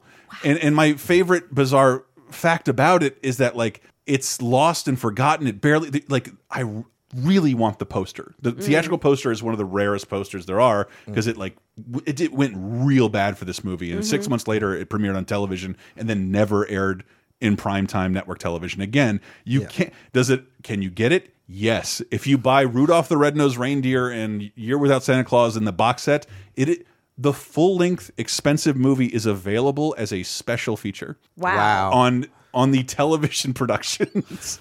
it, it- that's how you can find it. It's been relegated to just like and there's this. anytime that we talk about a like piece of entertainment from this er- era because Yeah. this was like 81 it looks like right 80, Uh, 80 late 70s, 79 79, I yeah i um and it's so surreal and it's so inexplicable Mm-hmm. i just especially when it's children's entertainment i can't help but think this was a coke night at some producer's Oh, house absolutely. They this were- is the product of like a lot of cocaine They were like, like, they were like, just spitballing You are like we have all these different characters. Why don't we just put them all in one movie? Yeah, what if they talked? What if they had all magical powers? Well, Why don't they have magical powers? They should have had magical powers when we came up with them. Why- God damn it! yeah yeah Can we give them magical powers? Okay. We can do whatever they want. time travel time travel you We can guys do time travel. We, yes we can do this we can do this What uh, an amulet? A fucking amulet. Of course, an amulet can solve all our problems. But see, Uh, this it's is- like this- this is like you are weird- getting way ahead of because yeah, this there's a lot of cocaine involved in some of these. Like, there's, there's like this like weird. So like Walt Williams every year talks about like this weird like Christmas movie where it's like it's kind of like this. It's like there's like these like weird winter gods and they bestow Santa with the power of like winter. Mm-hmm. And it's like this is like that same era. It's just like like what the fuck are you what are you thinking about? Who's going to sue us over dictating how Santa was created? Just do that. You can do that right now, kids. Pitch a special. Who Yeah. cares? Yeah. Uh, but like, I love that about this, and this is made by Rankin Bass. So like, Mm-hmm. they have a fascinating output. Again, we're shoehorned into Christmas, but they did make one thing that got them out of their Christmas hole, which I consider it's not a forgotten adaptation. It just I think it's not as well remembered as it should be. But uh, this is like right before that. They made it for television, again with the help of an animation studio called Topcraft. Mm-hmm. And Topcraft created Animagic, they called the process. Will Vinton, uh, the California Raisins guy, he copyrighted the word claymation. We use that a lot for stop motion animation, but Right. then, like you have to you have to pay to be called claymation. Wow. This is called Animagic. It's done by Topcraft, and when Topcraft disbanded, uh, what became of it was Studio Ghibli. Um, Oh. yeah, and and so they they all the animation for this was done in Japan, uh, both the stop motion and the traditional animation mm. of this next movie from 1977 that I love dearly, more so now than ever. We hobbits are plain quiet folk. Adventures make one late for dinner. Enough. I am Gandalf, and Gandalf means me.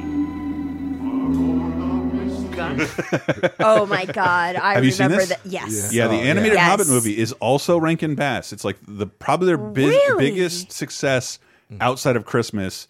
Uh, it was busted down to a television thing. So like it is the Studio Ghibli guys making an animated Hobbit movie Okay. on a television budget. So it's not as lavish as right as your Nausicaa's a few years later, but it it, it is very pretty and very 70s. Yeah, And if you're oh, from the- Florida, we have a Hobbit hoagies here, and I forget Yes. the story exactly. They use this Bilbo as their character, Really? and they won a lawsuit when they got sued for it because I think they did it for like twenty years, and and I remember when I worked at a company with a lot of IP, and it mm-hmm. was we worked on the community end, and it was sort of like if we want to highlight things the community has made, it has to be things that people are doing for free and not charging for. Mm-hmm. And if they're charging for it, let's pretend we don't see it because the rule was like we have to we legally have to go after anybody trying to sell Right. our, our IP Right. because that can be used in a later lawsuit. Like, well, you didn't go after this thing that you we Ah, have evidence that you knew existed. I see. Why would you go after us for the same thing? So the Hobbit people didn't pursue a, a local Tallahassee chain over Hobbit hoagies. You can look it up. It has a great shirt, and it still Mm-hmm. has this Bilbo like holding up a sandwich and a beer. Um, I, I, I don't know if you're a I kid. mean, it Yeah. tracks. If you were a kid- Hobbits love lunch. Exactly. It's like what, what like he's just like, oh, it's Samwise. it I'm sounds here for my delicious. third for my if you, third if you lunch. think of think of Bilbo's 111st birthday, and you know you want to eat something that's Of there. course. And, but yeah, the minute this clip came on and we see Bilbo's head His looking like a peach pit. Princess Leia I motherfucking hair. Can, uh, like it just awakens something in me, and It Gandalf does look like a brown scary. testicle. Oh Yeah, yeah. this this it's this the whole frightening one. this stuff scared the shit out Me of me. as a too. kid. Like I like, and I'd always heard like my buddy was really into like The Hobbit, and he was really into uh, Lord of the Rings stuff. Mhm. And then I'd see that he was like, "Oh, you should watch the animated stuff if you want to get into it." Mhm. And I was like, "Uh, I don't. but I, I, don't think this is. it's for a me. breezy, excellent version of The Yeah. Hobbit. And if you like like the books, it only adds one original song. Like all the songs in there are like Right. from the fucking Right. books. And and and I love that you mentioned the voice cast because the thing that scared me the most was the Gollum in this version. Oh, You ever- Yeah. I don't know a lot about Brother Theodore. He is a fascinating individual. Hmm. He's you might remember him mostly as the doctor from The Burbs, the guy who lives next door and might be. He, he was a very famous like a, a weirdo German comedian, Mm-hmm. uh, Right. and he does the voice of Gollum. And Gollum is not like a shrunken human in this. He is like a literal slithering mon not a sli- he's like a, a Like, he's reptilian like, yeah, monster he's like he, like he's like a. It looks like a troll. and his voice is like I don't know. There's something my sincere about Gollum sometimes, but like this is not that. Like this scared the shit out of me at this Gollum. Wait! Where are you going? My precious a ring on his birthday long ago. A golden ring, a magic ring. Yes, we must get my precious birthday present from its hiding place. That's what we must. Now what? He'll never guess my pocket contained this.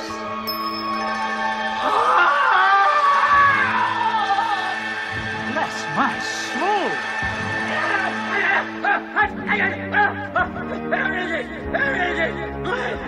The, the like outlandish screaming. This of- Yo, is like- wow. Like any Circus is fine as Gollum. Yeah. This Gollum would have been fucking tremendous Yeah. in those films. I, I like- really thought you were going to say traumatic, like this one was. Traumatic as well. Yes, like that's like I, I'm. I'm having flashbacks of seeing this like on Disney, Me like when too. Disney mm-hmm. used to show like the Hobbit stuff. and if you're an Yes. 80s kid, just- like ugh. That must have been where I saw it because I don't think they would have shown this in school. no, Yeah. No, but Yeah. it, it did air on TV, and the Disney Channel showed it a lot. And if you had Nickelodeon, I remember there, like, I guess now you'd say they didn't have a lot of inventory, and there'd be commercial breaks, and they would they would just be like two minute long commercials for VHSs of the Snowman and the Hobbit, Right. Like just like a trailer for a video. It happened all the time, and I, I think. But I not only do I, I love the Hobbit book, I love this movie. I contrast that with how much I hate the Hobbit, the new Hobbit Oh, movies. agree. Oh, oh, This is- those those bloated fucking films, like, Dude, it is a brisk and easy child's read. It is a 90 Ooh, minute movie. I would not say it's a brisk and easy child. It's not a Read. brisk the and easy- Hobbit. yeah, no, no. no, I read it as a kid. I, I, I, I mean, I didn't have to. I mean, what are you what are you saying? Like I read it when I was in middle school. Yeah. It's a brief, like middle school, yeah, but like not like a child. Oh, like, I- I I, read know people who read it like I know people who read it like in like fourth or fifth grade, Mm-hmm. but like they were also people who were reading books that they probably shouldn't have been reading at Yeah. Yeah, that that's time, what I you was know? doing. Uh, but no, I, I but- was also on my fifth abortion then. Oh, like well, I was yeah. way ahead of my age. Yeah. Uh, but Performing them. Yes. Yeah. That's what the get the program is for, right? yeah, exactly. um, but uh, yeah, like this, the hop, this, like I cannot believe what Peter Jackson I was even, I didn't want to go off the rails because I'm like, what- how did how did the Hobbit trilogy of three hour director's cut movies happen? don't Why did you make this one thing longer than Lord of the Rings? So I did want to, I was teasing it earlier. The best adaptation to book to movie I've ever seen is Lord of the Rings. Yeah, those Lord of the Rings movies. I think those books, to, to borrow what Sarah says about some things that I like, fucking gobbledygook. It is fucking. oh, a hundred percent. It is. It is unrefined nonsense I throughout most of the book. slogged through those books because I just felt like I have to, you know, Right. like it's part of the canon, the nerd canon, Mhm. and I did, and and I will never again. Uh, and I'm sorry, I'm including the Hobbit in that. I don't need to No, read. the, the Hobbit, but the Hobbit was written separately, and that's what I I even Well, hated yeah. about reading Lord of the Rings because Right. it has this scene of Bilbo tricking Gollum into giving him the ring, and then like the Lord of the Rings established, like, no, this ring when it touches you, it takes control. Like, Right. Bilbo handles it constantly, and this dude gave him the ring, and, and then the book is like, well, then Bilbo was lying about the story that he told, and fuck you. And, then- and here's this chapter: Tom Bombadil just doing whatever. and, and in the end of the and book, here's another here's another dwarf song. and it, the end of the book has like the ring becomes this soul sucking thing. In the beginning of the book, like, and then uh, Aragorn grabs the ring, and Gandalf and him hold it for a hundred years and run around like you wrote that. So like, why are you saying something later on that? th- I think those books are a fucking mess. And Oh, the- I- yeah, no, they're, They're they're not basically great. just Rush lyrics.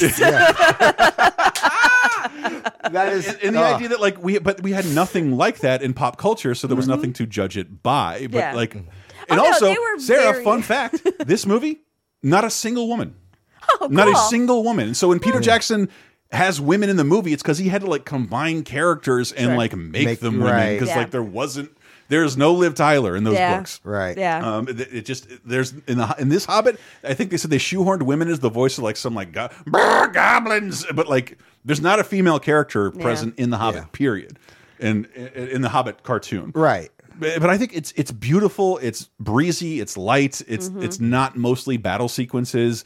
Uh, I, I think it's a cool thing for kids to watch. I It love this version of the Hobbit. It's mm-hmm. also, I mean, and I would love to go back and mm-hmm. rewatch it now mm-hmm. because the sense memory I have from watching this now is Right. I was deeply unsettled by this Yeah, as a child, yeah. which is cool. Like I'm Right. into that now. I think one of the last movies, I wouldn't call it a forgotten because I've been to like several revival screenings with the author, but they made the last unicorn after this, Mm-hmm. and that went Yes. to theaters, and that movie is fucking That's a, it's a, oh, and that's a deeply troubling. yeah, it's very, it's a very dark, good movie. Um, Brother Theodore in there, we harpies, come at me! Oh, it's it's so good. Commercial alert! Put the VCR on pause. Ah! Is the world of today getting you down? Well, then why not check in on some of the good stuff that happened this week in movies, TV, games, and more 30, 20, and 10 years ago this very week with our show 30, 20, 10. Here's something you may remember from 30 years ago. But Tremors is just Jaws in the desert, yeah. And it it fucking it fucking rules. It fucking rules because it's it's a B movie that knows it's a B movie. It's got a nice light sense of humor. It's fun. I mean, yeah, sometimes it's scary, but mostly it's I'd call it a horror comedy. Yeah, Um, the effects are wonderful. you know, and it's just a bunch of these rednecks out in the middle of the desert in Perfection, Nevada, dealing with yeah, just dirt jaws. Dang yeah, worms. alien dirt jaws that pick up on the small vibrations you leave on the land. So if you're a little kid and you've played the floor as lava, that's what the movie becomes like them trying to jump from one area to oh the my other. God, that is such a good is- point. It, You're like- right. It's Floor's love of the movie. This movie floored me because usually I had some knowledge of what I was about to see. This is a Disney thing, or you like Care Bear, shut up for an hour. Uh, but th this was like this blew my fucking mind, and I love this movie forever. How did I have to Reba give, uh, McEntire get all mixed up in this? 'Cause My question. she I don't was- know, but she's great. Yeah, I, I- well, one, she I think she wanted to show that she could act, but like on the countryside, she's Uh-huh. like tearing it up. So Yeah. there's a certain portion of America that knows She's at the peak exactly of her who powers. she is. Yeah. she's getting there. And, and and and Michael Gross introduced me to. I never heard of an elephant gun anymore, but I've never heard the name of a gun be like. I get it. I, I know what this is. You don't. It's an alt thirty five caliber. Like no, it's an elephant gun. Mm-hmm. That's why it almost flies out of his hand every time he tries to fire it at a fucking graboid. It's actually called that though because elephants invented it. Oh! Nobody knows this. Jump into the past with 30 2010 every Thursday on lasertimepodcast.com or iTunes, Spotify, Stitcher, or wherever you get your podcasts. Five, four, three, Do you like Video Game Apocalypse in 30 2010? Well, the LaserTime Patreon has figured out a way to combine the two over at patreon.com slash lasertime. We've taken a month's worth of 30 2010's games from 30, 20, and 10 years ago and grabbed the hosts Michael Raparez and Matthew Allen from Video Game Apocalypse. And with our combined three decades plus in the games industry, we found a great way to take a deep dive into the biggest gaming anniversaries of the month. Here's a recent sample. 1990, the real game you guys all want to talk about. Pat Riley basketball. Actually, I do want to talk about this game.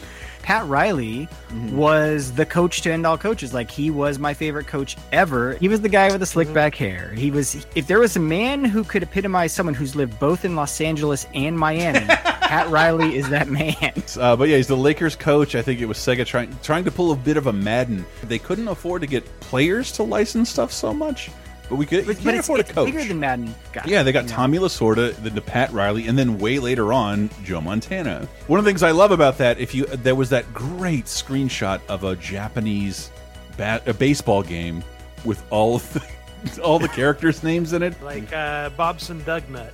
Bobson Dugnut. So this does not have any NBA license of any kind, and no, that's Sleve McDichael. That was another one. Yeah. And it also came it came out in Japan, so there are the LA Hoops is what you would have That- known. That's the best part. The LA Hoops is who I always chose. Or the LA Lakers. Rainbows in, in the Japanese version. There's also the uh, Seattle Bears, the Boston Bug, the Denver Rocks, and who could forget the Houston Legs? the Houston, the Houston. Legs. So, in addition to weekly bonus shows, over 100 movie commentaries, exclusive specials, you can get the 30 2010 Video Games Edition, celebrating a month of important gaming milestones every single month at patreon.com slash lasertime in exchange for just five bucks. And you'll support all of the Lasertime shows, including Video Game Apocalypse, right, guys? Yeah.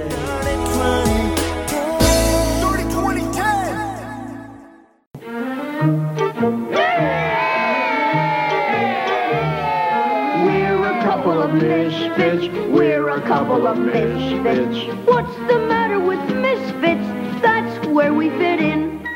So my question is, um, not to not to not to like uh, take over a little bit, but so you brought up. Um, Mm-hmm. I'm not even done with my Hobbit clips. I was saying you brought up Ghibli, Mhm. um, and about them adaptating, ad- doing adaptations of um, of Mm-hmm. books that were done by Western authors. But did you have Ghibli's no Ghibli's Earthsea adaptation? Because that has been forgotten time. Because Ursula, It's like the semi sequel to. so it is actually supposed to be a retelling of the original Tales of Earthsea book from Ursula Ursula K. Guin. I'm saying it. Ursula Oh, K. Le yeah. Guin. Yeah. Uh, she hates that movie because um, Miyazaki when they when they redid it, Ghi- Ghibli redid it, they like butchered the book all the way through. Mhm. So it is literally it's one of the Miyazaki films that does not get talked about a lot because it was one that was just needlessly like rewritten and just redone to tell a better story that Mm. he thought would be a better story. It just never translated very well. Huh.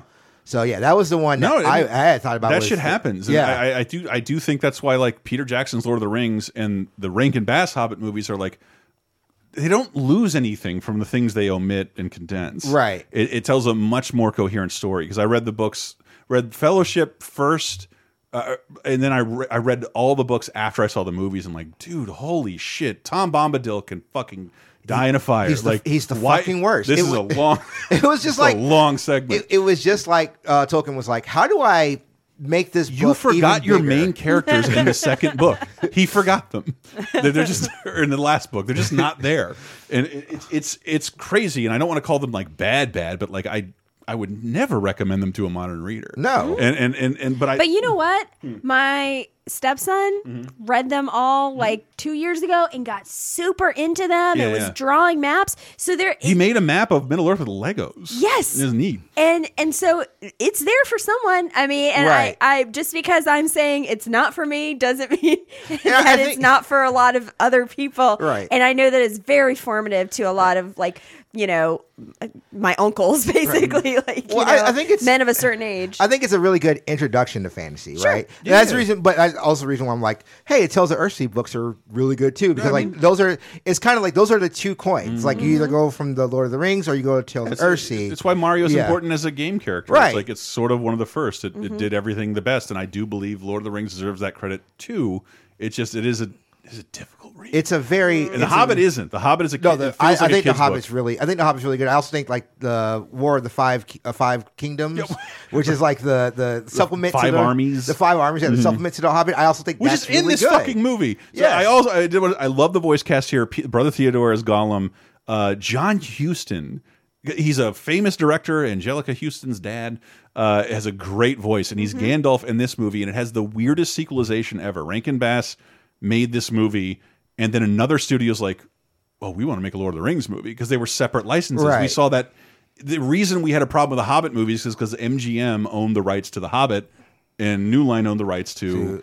So they had to. So they had to combine themselves. They had to like. uh they had to work something out, and, uh, Right. that, and the movies came out so fast because Guillermo del Toro was supposed to direct two Hobbit movies, and it turned into three by Peter Jackson. Who it, there's a special feature like I don't really know what I'm supposed to be doing here. This was not my vision. I legally have to do this before this bankruptcy and MGM sets in. It's fucking weird. It's not entirely his fault, but he like as a business person, he had to get these movies made as fast as possible, and they chose to make three of them. And I think that was a huge mistake. And I really want to see that cut of one fucking coherent Hobbit film that is not filled with seven hours of Sarah gobbledygook. and and and uh, uh, I, I just I did you hear how Orson Bean Orson Bean is the voice of Bilbo, who I love. He also has one of the greatest names I've ever heard in my life. Mm. He, he died this year Oh. as of this recording. Did did you hear how? No, I, No. No. Oh, it was horrible. Sorry, I don't want to bring down the show. Oh, no. because I I don't know. I've been I love the area of Venice in uh, California. It's Mhm. beautiful. The canals, the uh, it's right next to the beach. And I remember I was there and like you could see all these old people like coming in for pilots, old actors coming in for pilot season. It's Mhm. really cute, Right. Uh, they've been they've been doing this for years. They fly into their Venice villa Oh, for a pilot season, and they would just be like an old guy in an apron. I can sort of recognize. You guys want to come over watch watch a Hitchcock movie? I'm like, what is going? Sorry, neither here nor there. But yeah, this dude got uh, uh, it was in Venice, got hit by a car. Oh no! And then uh, struck to the ground and hit by another car Oh. and died Oh, in front of everybody. If you've been to Venice, like you know, a lot of people saw Bean die. It was a terrible death. Shouldn't be bringing that up. Never mind. Wow. Never mind. I didn't mean to bring that up. I was supposed to be transitioning Mhm. to something else from The Hobbit because I love. I do uh, deeply love this Hobbit movie. Mm -hmm. Mm -hmm. And uh, well, speaking of seventies tastic shit, uh, yeah, I'll, I'll rattle off a couple things that I wanted to s- talk about. Um, I Disney Plus made me think like, oh, do they have the Rocketeer? They do. Oh, and the I Rocket, love the Rocketeer. the Rocketeer might be the biggest movie based on the least amount of source material, like four comics. Really? Yeah, like Swamp Thing. Maybe I think before that was like six to I did not comics. even know it was based on comics until like two years ago. Yeah, I think well, was- you told me. It was a comic made in '82 by Dave Stevens in the pages of Pacific Comics. Uh, Mm. I don't know anything about, but but uh, that was celebrating the serials of the movies in comic form. So Mhm. it seemed like an easy like when people started talking about uh, optioning it, like oh, an easy pitch. It's celebrating old movies. Uh huh. And now it sits as maybe the the biggest live action Disney movie that's not Indiana Jones with the most Nazi representation. Sure, sure. But uh, it's great if you want to see James Bond playing a Nazi against Yes. Terry O'Quinn's Howard Hughes Uh-huh. as they try and steal a rocket pack. It's totally fun. The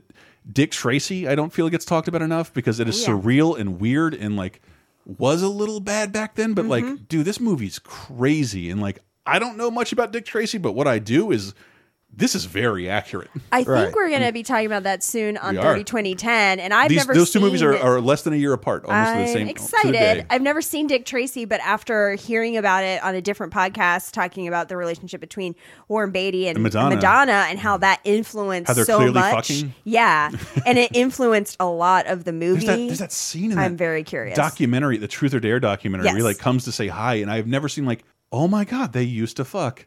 Oh yeah, and you can see it. You can and just they see also it. hate each other. And she like does a vomit motion when he leaves the room Yeah. because he's an old man dad, Mhm. Right. Who she clearly fucked and like Right. "Ah, I don't want to see this. That's like he's Warren Beatty. I never lived in a world where Warren Beatty's the most powerful guy in show business, but he kind of was Oh, he around this time. yeah. And he loves Dick Tracy up to the point where I believe he won the rights back to make a new Dick Tracy movie, a sequel to this. And if I can just. I, as a little kid who was seeing movies constantly, I cannot forget the Al Pacino fucking trailer. yeah, play that Trey Trey. Tracy! Tracy! Tracy! It's like he's reading my mind. Extra! Tracy Battles move! I'm taking this bum out of the headlines. I'm rubbing him out. Tracy, watch out! Leave Dick Tracy to me. I say we kill Tracy now. You challenge me, we all go down! It's the most ridiculous cast you've ever seen. Yeah. The most I- ridiculous cameos. There are two albums, Madonna's whole album. Yep. And then another one. I think we'll close out with Ice T just rapping about Dick Tracy. Cool. And, but like, I think Warren Beatty's production design note was like, uh, I love the comic. It only had seven colors to work with in newspapers. So the whole movie, we will only use Mhm. seven colors in lighting and costumes. And it is jarring to look at, but in like, I have not not only nostalgia for animation, but like uh, uh, studio films. This is clearly a set, Right. Be- mm-hmm. Beautiful sets with beautiful mm-hmm. old cars, and like it looks really unforgettable. Dick Tracy might be one of those touchstones that we talk about that hits almost every area of nostalgia that you can for a kid because the promotional tie-ins I remember with Dick Tracy Tracy were everywhere. Didn't McDonald's have It- one? Dick Tracy only happened because of Batman. Okay. Yeah. and and and they they mimicked everything about. If you look at the Batman poster and Yeah. the Dick Tracy poster, Yes. they are the same. Yeah. and they gave. I don't remember any other movies that gave out T-shirts. Right. They did that too. They even put Roger a Roger Rabbit cartoon in front of Dick Tracy to, to make it the biggest success they could. In that it its only failing was that it didn't make Batman money. It made huge money by comparison to every other film. Okay, please tell me Hmm. if this is like a fever dream or if What? this is a real No. memory. Did McDonald's Yes. or have a promotion where it was like you had to collect like game pieces Yeah, I that were like think so. each one of the villains' faces? Oh, I- yeah. Almost like Monop- the yes. Monopoly. No, it was huge because like Wow, I like brought that up from the depths Yeah, kids- because I remember kids were showing up to school in Dick Tracy shirts to like prove they were there. It was it was fucking nuts. I remember because I was like five or six probably when this Mhm. came out, and I remember being fascinated but also terrified Mm-hmm. because the villains all have some very scary faces. The prune because face? yes, yeah, because they all look like approximations of humans, Yeah. but it's comic, comic strip characters. characters, so like it's Mhm. gonna be a little bit off. Yeah. Dick Tracy was very scary for me as a kid. I can't wait to revisit it. Yes, based on a 1931 comic that that uh who is it? What's his name? That uh Charles uh Chester Gould did from 1931 to 1977 and whenever I do comic strip research and like and the comic's still going I'm like but the last person who updated this wiki page might have died 20 years ago. I, I don't I don't know. I don't know if it's still going, but I think it might be. I think I there's think might be it still be is. Dil- Dick Tracy comics One out of there. my favorite blogs on the internet Mm. is uh, the Comics Curmudgeon, and it's a guy who still is talking about comic strips and like you know pulls them and writes little blurbs Mm-hmm. and funny things about them, and like Dick Tracy's on there and a bunch of like the soap opera type comics that we I didn't have in my newspaper growing up. Yes, Brenda Starr. We talked about one on 30 2010. It was like this this battle over the rights of Jane Yeah. in something. Right. Ah, I fucking forgot can't what remember. it was. Yeah. But yeah, soap opera, explorer, Mhm. serious comic strip, Prince Mhm. Valiant. I Prince remember my, Oh, God. my grandparents' Prince old folks home had all of these, so I'm like, Right. send them to me. I want to Yeah. know. Yeah. But it's it's the worst way to endure a long story. It really is. Oh, absolutely. Once a day in Just three so sentences. blocks of tiny type though like for prince valiant especially like the ba- they have to do so much background that's like Right. just Yeah. written in the sky part you know the only way like, you could tell us a, a, a story longer and worse is with fortune cookies and, than comic strips, and I, I just don't know why they lasted so long. And the last one, the last one I want to talk about is just one of my favorite things of all time. Mhm. And you two are probably too young to remember anything about it, but there's been several updates of the Gong Show. the Gong- Oh, oh, you mean the the uh, God? What's the Austin Powers guy? Um, Well, yes, Mike Myers. Mike Myers Gong Show. As of really- recent, the most recent iteration, yeah. David Right. Tell hosted a Comedy Central version of the Gong Show. Oh my Show. gosh, yes. And uh, I, recently, I think a Will Arnett produced Mike Myers starring as a fake, Fake character, person, right. Right. And I never saw it, and I don't know how Where to did see it go? I, don't remember know. reading about So it, it- and then it just went into the ether. Yeah, like I, I watched it. It wasn't bad, but Right. it's also a very like it's a very seventies like because Gong Show sixties and seventies, Sure. Yes. right? Like I, I just when I think of Gong Show, I just hear Peter Lind in my in my head. Paul It's like, yeah, Paul Lynde, I'm sorry, in my Yeah. head going Roger oh, from American Dad. Yeah. Oh Ow. no, you got to go ahead and hit the gong. Like Yeah, that's, yeah. that's what that's what I would that's what I think of. Like I, but I only know the Gong Show from like references from the cartoons I would Right. watch, right? Like so. Well, I only know it from uh, the only way to watch cartoons when we finally got cable in the mid '80s was the USA Network's Cartoon Express, Mm-hmm. and after that they had reruns of the Gong Show. And Sarah had mentioned '70s fueled cocaine craziness, and Yeah. like I do. I, I save I have protected you laser time listeners from the amount of fascination I have with 70s panel shows where they are clearly filming like 20 episodes a day everyone's drunk and on Oh, a shitload of coke I can people are talk so about this sweaty forever. I love that it's, shit. it's They're crazy all- yes. They're And- also they're also good. They're all just so good. Yeah, They're so they get real mean sometimes. Yeah. there are people who like, made their like if you think Rip Taylor for instance is one of those people people Yep. might recognize now they made their living like this appearing Right. on Yeah. panel game shows like it's, it's like if podcasts paid real money uh, that's that's how that's how Pretty people much, live yeah. and, and Chuck Barris might be one of the most fascinating guys in all of entertainment he was a behind the scenes guy he would write pop songs and produce shows like the newlywed game and the dating game when was the last time you made whoopee and and came up with this and, and was enormously successful and had this idea in the 70s. I'm not saying he's coke fueled. Mm. By the way, he's also the guy, if you ever saw George Clooney's directorial debut, mm-hmm. Confessions of a Dangerous Mind, Right. Yeah. Sam Rockwell is playing Chuck Barris Right. in an adaptation of his biography that not only talks about his time on The Gong Show, but his time as a CIA agent where he killed over 30 people. Mm-hmm, mm-hmm. Chuck Barris is is wonderfully cuckoo, and, and- and- which he I, I think he only recently like that that might not be true. Like, Really? Really? Well, George Oh, Clooney made a movie about it, so uh, I wouldn't piss off the Clooney like that. But that, Sam Rock, it's a beautiful performance. That movie's fun, Right. Uh, but he was a producer, and he came up with this idea for the Gong Show, and it is almost exactly like a a parody of what is it? America's Got Talent, where people like Mm-hmm. X Yeah. Buzz. I don't like this fucking Chinese acrobat. Seen it? Mm-hmm. Says Howie Mandel. He never says that. I've Yeah. never seen the. It's fucking just it's a it's a giant it's a giant talent show. It's It- a giant it is talent, a talent show. and when you when when a celebrity panelist is sick of the act, they hit the gong. Right. But it was also a very self-aware parody of that type of show. Right. Hmm. And it was also like it's why it's only why I wanted to bring up Chuck Barris because he's he's like already a millionaire. Mm-hmm. And he's producing the show and he hired a host and he's like the host doesn't get that this is like fun and like not a real thing like we're Right. not really looking for talent. We have fake talent acts coming in just to get gonged and be silly.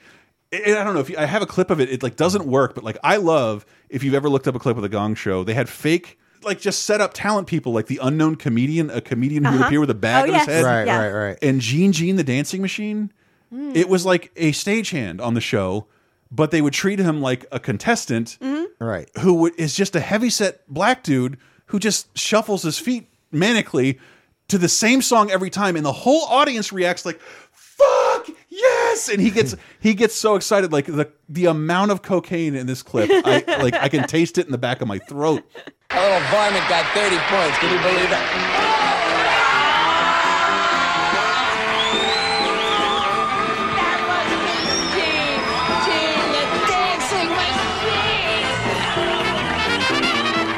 Always the same song. This feels The like an audience Adult goes- Swim Right. show. Like this, is, like this is like this is It's Eric Andre. yeah. It's like there's a bunch of pie in the faces. They got in trouble for being too racy. They had like, welcome the popsicle twins. And it was just two models giving blowjobs to popsicles. It was a national controversy.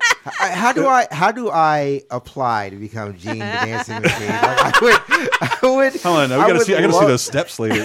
uh, like, but, but that, it was. If you were an audience member, like this shit comes on, you pretend to be super excited. Mm-hmm. Right. I believe one of the celebrity panelists like just was so drunk she showed her tits, and Yeah. then like people would give the finger, and like they were like, clean up this fucking show. It got canceled on NBC, went over to syndication. It was on for like five years, and I remember they'd run USA, and I was Right. like both like hated it, but like fascinated by it at the same time. But Right. like Chuck Barris like wasn't supposed to host it. He didn't think the other guy knew what he was doing, so he's like, never mind, I'll do it.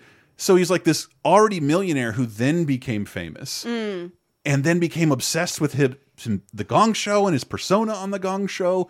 And the show gets canceled. The controversies are crazy. He's like, no, we weren't canceled because the Gong Show was crazy. It's the other show I created in the late seventies. I it was called Three's Company. It's the 70s Mm-hmm. and so the idea was like it was like a quiz show about how well do you know your partner. Mm-hmm. So it would be a man and his wife, and this is how old it is, and his secretary. Ooh, and, and with a lot of implied uh, what what's the sound he makes when he makes whoopee? Like shit that kind of stuff. And religious groups went fucking ape shit. So this guy uh, like is not only he's not only rich and a provocateur he's also Right. now a public celebrity and like keeps putting sillier and crazier shit on the air and like it eventually gets canceled. He's like well fuck you. I'm gonna make a whole i don't know that any other game show has a movie based on it that is scripted. I, the only thing I can think of is that awful fucking like Jerry Springer Ringmaster movie, Oh yeah. which they couldn't even get the rights to the Jerry Springer shows. Right. He plays a different, his like name Right. is Jerry Farrelly in the movie. Again, shout out to Jaime Pressly. You're beautiful and hilarious. Uh, but but the, the Gong Show had a movie in 1980 rated R that finally didn't blur the tits What? and the fingers and the blowjob jokes and the farts. Like it's it's fu- and, and there's like I am footage of it barely exists. It like bombed like a motherfucker. It's to me, it's one of the most fascinating pieces of pop culture minutia I've ever heard. Its trailer is amazing because it's just it, it, its TV spot is just Chuck Barris in a hospital bed as the doctor reads him the things that are going into the Gong Show movie. Exhausted from your new movie, huh? I hear there's a scene where a guy blows out a candle by. Farting. And that you and your girlfriend wept. And that two young girls actually. No wonder you're exhausted. Hmm? You couldn't show it on TV? So you had to make it into a movie? Oh, goody! The Gong Show movie starts Friday at a theater near you from Universal Pictures, rated R. It's it's it's crazy. A major studio releasing a game show movie that's also rated R. It is a week in the life of Chuck Barris, fictionalized, scripted, and written, where people are constantly coming up to him in public and like, "I have a talent too," uh, kind of thing. It's it's objectively terrible. I've never been able to get through the whole thing. Wow. but it's it's the most only only someone like Chuck Barris, a person who had that background, who is a millionaire executive, who then also becomes a game show host, Mhm, Right. mhm. Uh, after the fact he of all these successes is allowed to be this person. Uh, so he got so to this make. is basically the track that Andy Cohen is on. I hope so. I would love that. I mean, the link uh, between two ferns, kind of, if it was very real, is Mhm. a lot like what this was. Mhm. Uh, and I would love to see Andy. Or like I said, or like Eric Andre. Eric Andre's like, oh, I'm just gonna make my. is that show still on? I It's- love that fucking show. I don't. I think it's like it's one of those things where it's like in weird perpetuity. Like it happens and then it doesn't happen. Yeah. Mm-hmm. And then Yeah. like when it happens, you're just like, what? And then like uh, he's Eric Andre. I'm getting too much work. Not it's my bad Eric Andre impression. It's just it's so it's so good because like I that show at some points I'm like, there's no way it can be fake. But I'm like, Flavor Flav really did get kicked in the no, face. he didn't. Yes, he no, he did. didn't. They even they even showed how they did that. No, he yeah. He he wasn't even aware that shot existed. Uh, no, he never got kicked in the head. I got I know like some of it like they didn't know what they were going into with Hannibal and And that's the and thing. I love. I love Yeah. that show for the people who don't know what to expect. Right. Stacey Dash is going to get rats pushed out on her feet. But then they also good. have like Always on. Jack Black and Jimmy Kimmel who are clearly like aware of the Oh, joke, yeah. but then are like mercilessly skewered. God, investigate 311 where 311 is waterboarded as they sing down. It's- and uh, my one of my favorite YouTube videos on the internet is Attack Mac DeMarco. It's just a, Mac, a boring Mac DeMarco performance that ends up in a Japanese game show where this very real, respected musician's face is forced into a man's ass and tied to a cross, uh, Japanese style, hit with a kendo stick. But, but the Gong Show was just like was just that. It ju- sorry, this is to Yeah. me is the most Mhm. bizarre adaptation It is. ever, Yeah. and everybody For should sure. know about it. Yeah. It's very very strange. So, the, but I but the, the reason I wanted to rope Sarah in, and, and and maybe some of you listeners and everyone on the panel, like eventually, every once in a while, like something you love gets adapted well and Mhm. just gets shit. It just gets shit all over or gets forgotten, and such is the case with one of my. It, I wouldn't call it one of my favorite movies, but we were Sarah and I were like. I don't know, like yelling about Judy Blume and Dear Mr. Crenshaw, and like Indian in the Cupboard was an awesome book. Oh, it yeah. was. It, Mhm. it was an awesome book written in 1980, and like, I mean, I read it in like 1990. Did it seem new to me? Mhm. Uh, written by who do we have here? Based on the book by Lynne Reid Banks, and, which was followed by four sequels. There are four Indian in the Cupboard Right, sequels. right. But uh, the movie is written by Melissa Mathison, former Mrs. Harrison Ford and writer of E.T., and directed by Frank Oz, who might be one of have one of the best directing track records ever. Oh. Little Shop of Horrors, Mhm. Upstate Manhattan, uh, everything that dude directs is wonderful. And this this movie is not only great adaptation, critics loved it, and it came out up against Apollo 13 and Batman Forever and a bunch of other movies that I don't think are very good at all, but I went to go see in theaters and not in any cover. It bombed like a motherfucker, but uh, I don't know. Maybe this clip will explain what it's about. Your eyes. I have a magic cupboard that has a magic key. I put a plastic in Indian in the cupboard and he came alive. You are so real. Yes. Are you? Open your mind. He is a real Iroquois man. He talks, eats, he trusts me. That's very interesting. Good imagination. I, I and, and a lot of the criticism from the book is like the depictions of Native Americans. And the movie, it's from the '90s, so it's not going to be perfect, but it Right. like sort Right. of addresses like the kids' stereotypes of Native Mm-hmm. Americans, Americans, right, and yeah. uh, and and and as they they watch a horrible old movie. And like this is not like that at all. That's not it even gives them an Iroquois name. I'm not sure Right. the book had Iroquois as the Indian, Right. Because that was something I remember reading. Like, fuck, I'm never gonna know how to pronounce this unless I hear an adult say this. Uh, but but I, I thought the movie was great and it's totally lost to time Yes. and just that that notion of like I don't know being my age and like you read like a a book you really like Mm-hmm. and like when are they gonna make a fucking movie out of how to eat fried worms and then just by the time they do you're an adult Right, And- exactly. Oh, that is absolutely has happened. Yeah. happened to me with A Wrinkle in Time. Mm. Oh, right, yeah. Yeah. Oh, God, Yeah, yeah. yeah, 'cause they made a TV movie I think They before did. you were born, Mhm. and then a. An Is it Oprah bad? I never vehicle. saw the new It's- one. it's not uh, great. It's not great. yeah, no. I mean, I went to it and I did cry, but it's not good. Yeah. I cried Huh. when Oprah came on screen. but but yeah, I think one of the problems with the Indian in the cupboard is that I think a lot of kids had to read it for school. Yeah. And I didn't. I found it on my own. I loved it. right. it. But I, I remember it being like on the reading list for a lot of schools, I Mhm. think, at that time. I read it on my own too, but I don't think kids want to see a movie based on a book that they're forced to read in school, no matter how great Huh. it is. That's an interesting. So- Hmm. I think that's All right, all part of the problem. Yeah, so I did see this in theater, Uh-huh. but be I didn't get like I said that book came in afterwards. Mhm. So I've read that and I've read the sequels to Mhm. the Indian in Wow. the Cupboard, but it was because I watched this movie in theaters. Like I said, I, w- I would have been nine at the time, nine or eight years old at the time, and I love like this movie. I love this movie, Mm. and I remember reading. I remember watching the movie in theaters, and then I want to say the next year when it came on VHS. We had to read it, and then we watched it in class. Right. So I was like super into the Indian in the Cupboard. Like Yeah. I, I love. yeah, I was. I was just bummed that like usually movies like this get a second life on like cable. Mhm. Yeah. and I never ever saw it on TV Mhm. ever. And like no kids would find it would be The Sandlot if, Yeah. if people could see this. The thing is, I think I think if this had came out a decade later, like this would be something like because I know Cartoon Network does it with like Diary of a Wimpy Kid. oh, right? Cartoon Network Yeah. saved Iron Giant, Right. Like It- it- from obscurity. But like they, Cartoon Network now like does like these kids books that turn into movies. Like I said, Diary of a Wimpy Kid, which I Yeah. had never heard about, and then like oh, there's like four movies of them, and they do really well. But because Oh, when he's not, Cartoon- you promise he's not Captain Underpants?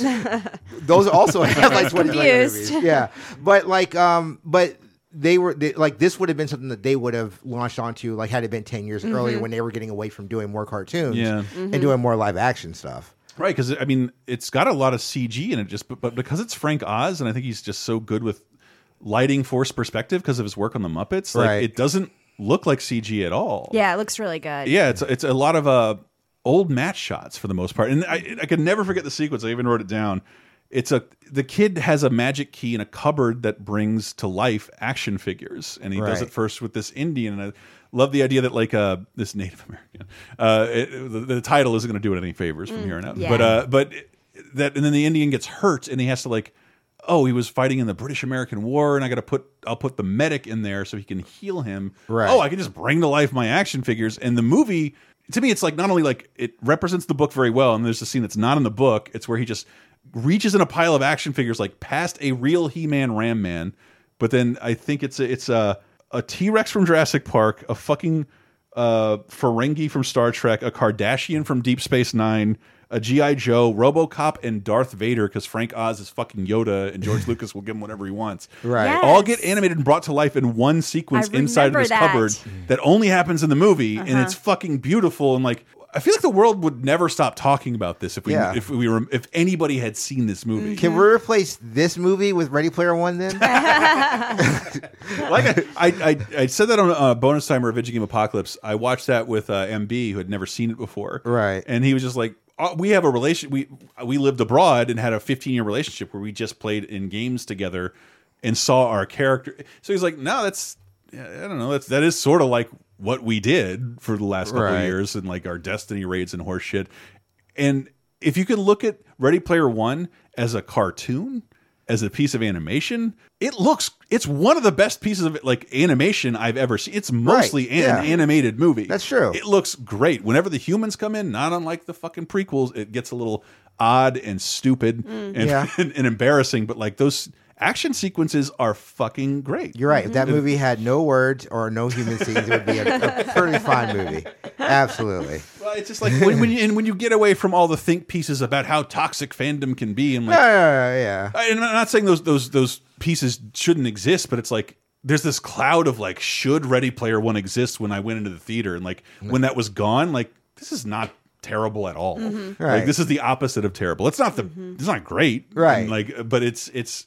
It deserves to be seen rather than completely forgotten. I guess that does sort of count. Yeah. 'Cause I Yeah. bet it will be. Oh, it's, Oh, I'm it's- sure. 'Cause it's not. It's I, like I have like I, every once in a while I check my parents' cable and like flip Mm-hmm. around, see what's on, and it's like you know it's mostly Harry Potter and Avengers all day long. Mm-hmm. It's never Ready Player One. Right. I'm trying to think of what separates a good adaptation, one that lasts versus one that's like forgotten, and it's kind of hard. It just seems like it's luck of the draw because you I'm have, you have evidence in the first two Harry Potter movies, which are very like literal. Let's leave everything in, Yeah. whether it's important or not. And the the second, the the third one on, like they kind of like, yeah, we don't need the whole fucking Fox News subplot and Mm-hmm. the Tony Blair lion looking magician magistrate. Right. That's Right. not even in the movies at all. Like it condenses what's what's important and Mm-hmm. gets rid of what's not important, making everything but the first two films very good adaptations. Opinion. Yeah, I, you know the series of unfortunate events um, adaptation got really well received, and that was never like a fandom I was a part of. But I think people The really Netflix one or the Jim Carrey one?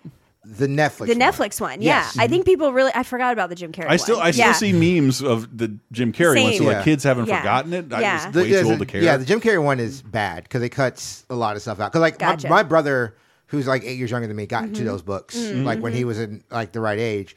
So I read those when he had read those. So like Jim Carrey one like cuts out a lot of stuff. So like yeah, how do you get the how do you how do you get the the same feelings you get from the books in Mm-hmm. a condensed space, right?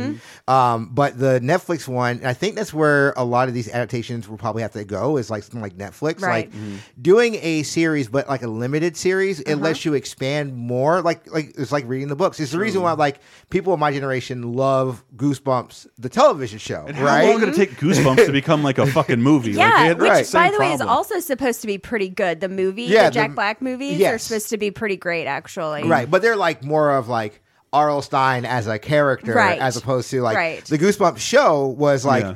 retelling those Yeah. books, right? Mm-hmm. Like, so how do you how do you get to the point where you know you can make something that it lives on like that? Mm-hmm. You know, it's it's it's learning how to fi- how to get into that fine line. Yeah, well, and I think you have to find the right balance between people getting people involved who love the source material but not love it so much that they're Mm. Precious about it, and they yeah, and that they leave in things that shouldn't be left in.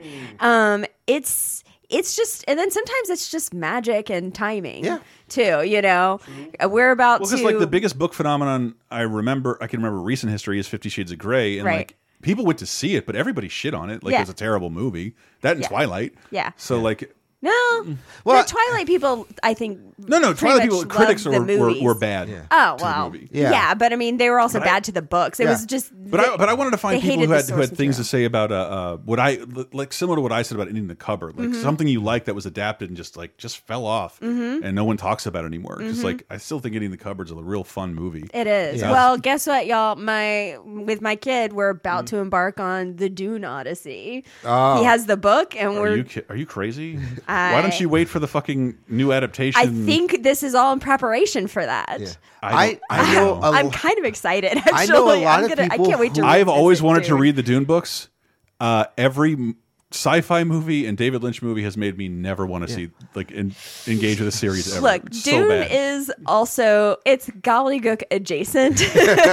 like it, I think it's a little bit more coherent. spoken like someone with no fucking spice. But I do love. I mean, I do have such a spot in my heart for Dune, and I, I kind of can't wait to reread it. Yeah, I've heard nothing. Like my my buddy um, is a huge fan of the movie Mhm. as well as the books, Mhm. and like I would always like give him shit like, "Oh, fucking Dune, stupid." It's like, no, this is literally what makes sense and everything. And like I was like, Oh, "Yo, yes. you're I've- into Dune." Like that's a- it's- that was it's going to be my I've last some takes there. question to you guys is like, is there something you think like deserves a new or better adaptation?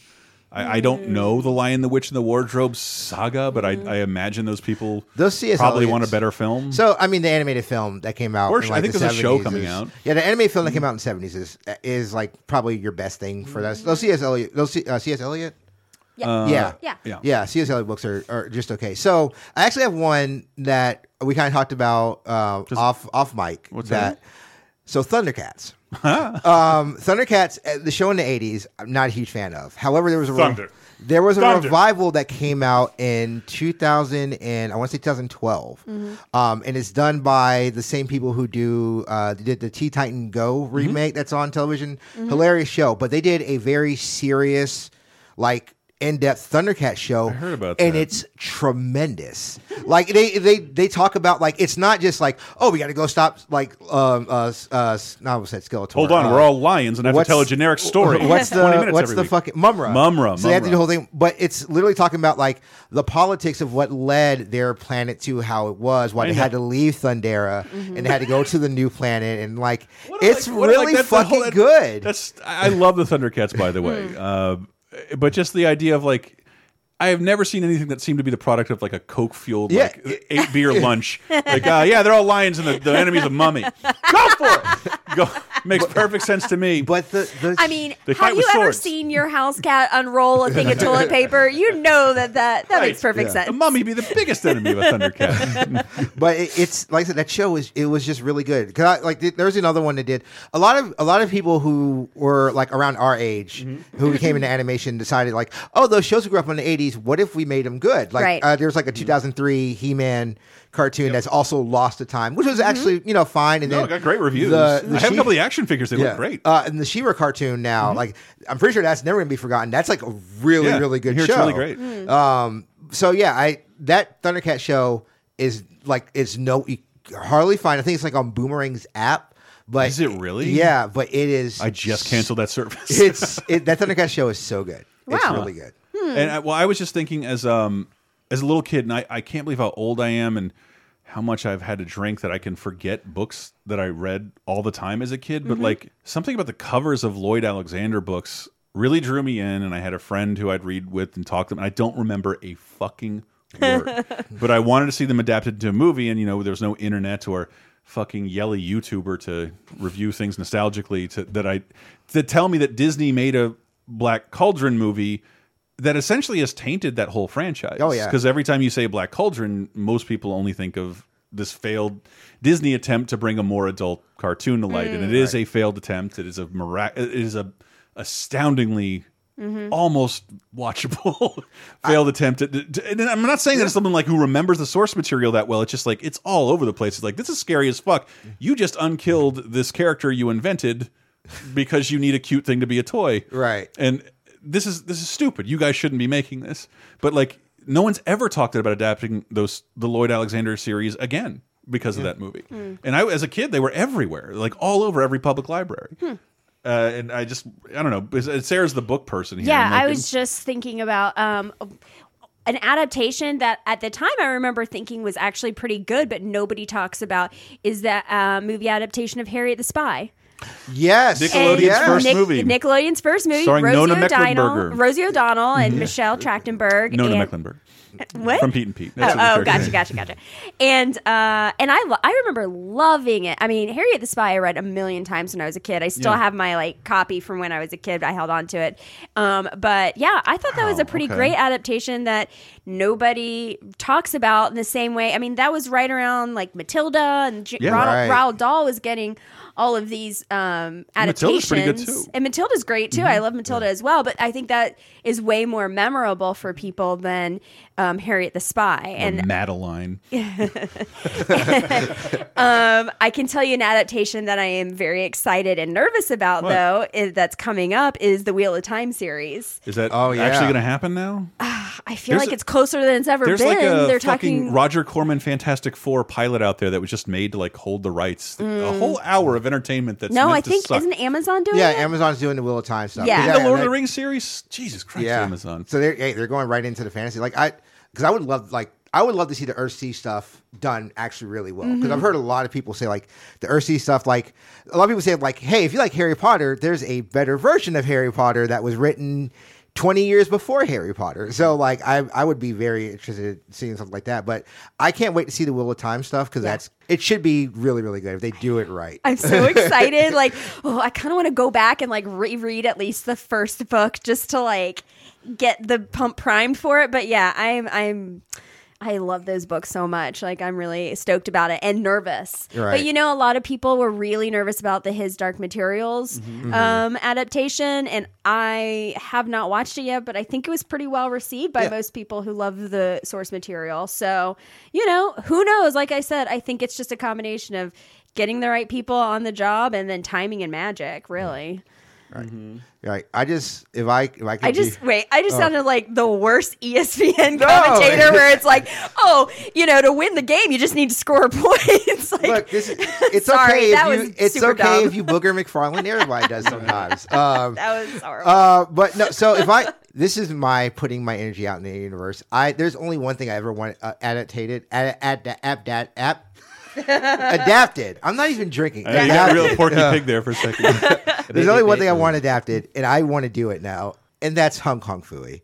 I Right. love, I love it. And He's the then- number one super guy. He's the number one super guy. He's faster than the human eye. Um, I love it so much, and so the what gives me hope is the new Warner Brothers are doing another Scooby Doo thing, which I've never been excited for Scooby whatever Doo anything. Um, so they're doing another, but in this one, they're actually making the Hanna Barbera universe like it's a thing because Mm-hmm. the main bad guy is Dick Dastardly, and I was like, oh shit! So we're and the new trailer this. has like Dynamite and Blue Falcon. yeah, Blue Falcon, but he's always he's actually been in the Scooby Doo universe for Sure, a while. I never thought I'd see him on screen. Period. Right, That dude um, technically should never be on screen. Um, but now, like, so we're gonna do this. I let's just fucking do it, and I really want to write that. I know they were talking about like years ago. They had me at Tracy doing it. Morgan as Captain Caveman. I love Uh, Captain Caveman like so much. I, I just would love to do it, like be able to, you know, to write that movie. Like that's the one thing that's my dream project is to bring Hong Kong Phooey to life. Like I and, and, and one of my, like I, I- it's one of those dreams I didn't realize was happening. I just checked to see if it's still happening. Like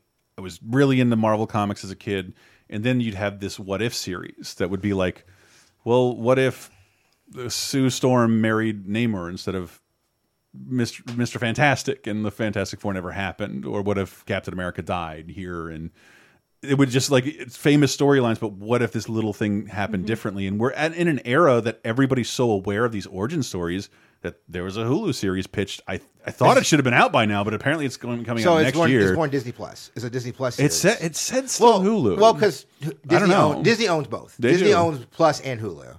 Yeah. Um, but yeah, so yeah, they're going to do that What If series. But but the the idea yeah. that the whole public is so aware of Marvel entertainment and Mm. stories that like they can do something like that. Like Marvel Zombies is is a what if story, Right. which apparently will be adapted in some form. What I'm just so excited about that.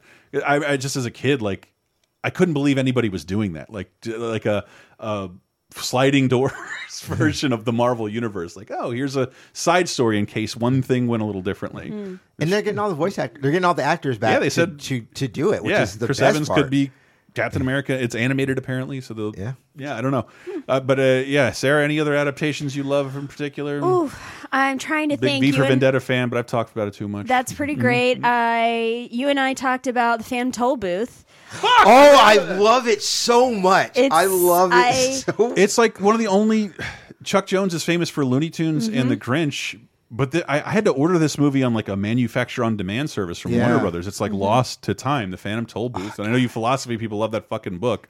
I love it. Yeah. I mean, I was a philosophy major in college, so duh. but Right. I mean, yeah, I mean, Sam loves it. That actually, our officiant for our wedding used the Phantom Toll booth, like, uh, and Wow. to hold like our vows and stuff in it as she was reading. So we love the Phantom Toll booth, and actually, that adaptation has been so lost to time that I don't even remember most of seeing it. And I read the book a million times. I mean, it's weird because it's, Yeah. it's just at points that of like course, I it's can't, going to I be weird. cannot It's a believe super weird book. But like as a giant animation fan, I hate post Grinch almost everything Chuck. Jones did that, that isn't Rikki-Tikki-Tavi. Right. I hate his Bugs designs, and I, I don't. Sorry, hate is a strong word. I'm not a big fan. It's they're they're very weird. They're very different, Yeah. right? Like in uh, Phantom Toll because like that's like my ch- like because Phantom Toll Booth, um, um, the bear that wasn't a bear, like that kind of where he's like doing experimental shit, Mhm. and then like Phantom Toll Booth, I've probably seen that movie like a hundred times. Oh wow! I love. I've read the book a hundred like- times, I so we just match up perfectly. I love a fan. I love Phantom Toll Booth so much because it is,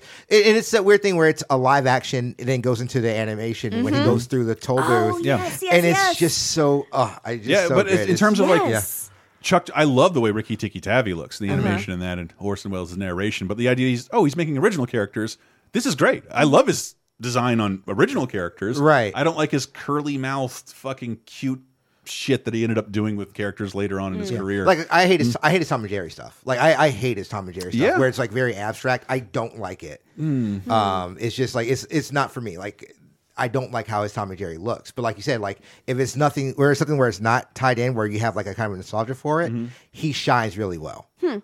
Oh, and- and that reminds me, because he did a terrible Raggedy Ann Christmas special that I Ooh. review. uh, Yeah, like Who after the Grinch, that? and it's it's almost exactly like the Grinch. Mhm. Uh, who fucking remembers Raggedy Ann and Andy? But like, there's a movie adaptation of that that's directed by the guy who directed the animation Who Framed Roger Rabbit, and he's kind of notorious for making things needlessly beautiful, and he did for Hmm. this property no one should ever care about. Look up the greedy, the greedy Raggedy Ann and Andy in like that is one of the most beautiful hand drawn animation segments I've ever seen. Someone, f a, an entire character who's made out of a sea of yellow gelatinous gloop and candy Mm. surrounding Raggedy Ann and Andy in a camel, and I forget why he's there, but uh, but but it's beautiful and deserves to be remembered, even though the characters don't necessarily. Tell us at lasertimepodcast.com or, or our Facebook group, uh, Lasertime Facebook community, and maybe we can celebrate these in another way, like Mm-hmm. uh, adaptations you remember, because we all love movies here, and who doesn't like seeing? Doesn't have to be something from your childhood, something you read yesterday, because I didn't have things like Gone Girl in there. Like Gone Girl, right? Oh yeah, Gone Girl is fantastic. came out in an era of the internet where people can talk about it as an Mhm. adaptation, why it's a good adaptation, and Mhm. it Right. very much is regarded that way. Mhm. But uh, but yeah, shit that's unsung. Like I never got to see that How to Eat Fried Worms movie, but that was one of my favorite books as a little kid. Yeah. Yeah. Uh, but yeah, and in the cupboard, I'll I'll stand by that. Uh, but good. tell us yours, TL. Where can people find you? Uh, you can find me on Twitter at Travis L Foster. Um, do my own podcast over at PNB Cast. Uh, yeah, we do a lot of stuff, especially one I really want to shout out. We were doing a, a thing called Rant EXE, uh, which is like imagine the Dennis Miller show. Uh, But Mhm. about video games, it's really fun, and not to not to pull people off. We understand the joke, so it's not it's not actually That's like Dennis giving Miller. Archduke Ferdinand a colonoscopy at the Bay of Pigs, baby. that, that's how that that's literally how it goes. Uh, Robert Robert Beach, uh, Robert, Robert Beach, one of our editors, uh, he came up with the idea and he did it, and it's tremendous and fantastic. So absolutely give that a listen.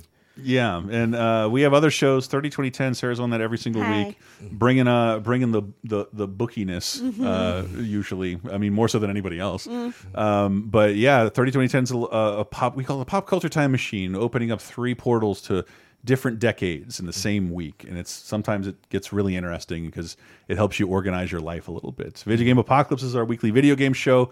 That that show is great and. Yeah. The DOA stuff and some of the uh, you did TL was on an anime episode. Yeah, Games uh, Games based off of games helped created by anime creators. yeah, yeah. and uh, was on that. That's a really fun show that I get to be on, and we have a bonus content every single week for uh, our supporters at Patreon.com/slash LaserTime.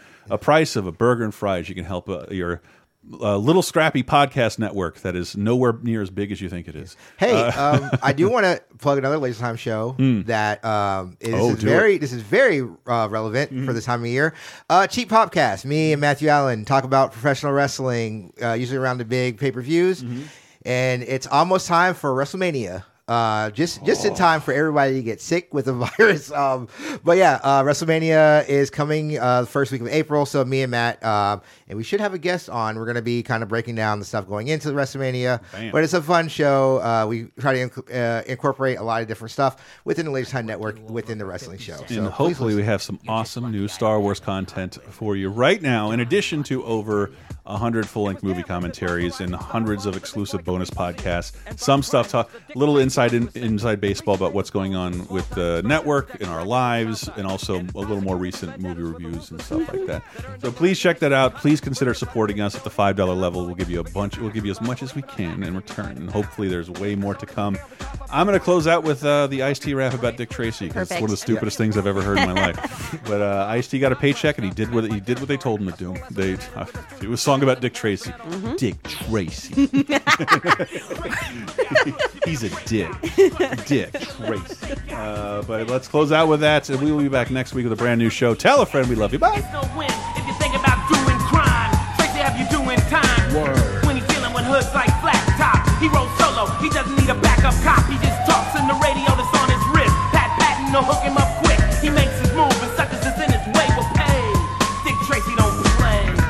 would scratch, claw, double cross, and slaughter his way to the top of an ugly heap. And by the time he was there, his greedy eye would wander to the spoils of national control of the rackets. He was surrounded by a round-the-clock assortment of goons, pimps, shills, confidence tricksters, flim-flam men, and later-jawed gunmen that responded to his every urge. Dick Tracy, a real man, no phony. He better watch out for breathless Mahoney. Cause this girl's sexy, and I'm talking about super hot. And she's working on Tracy's soft spot. Tess Trueheart is the one he's in love with. Gotta keep a cool head so he don't flip. But Tracy's too tough for that. He gotta get prune face numbers.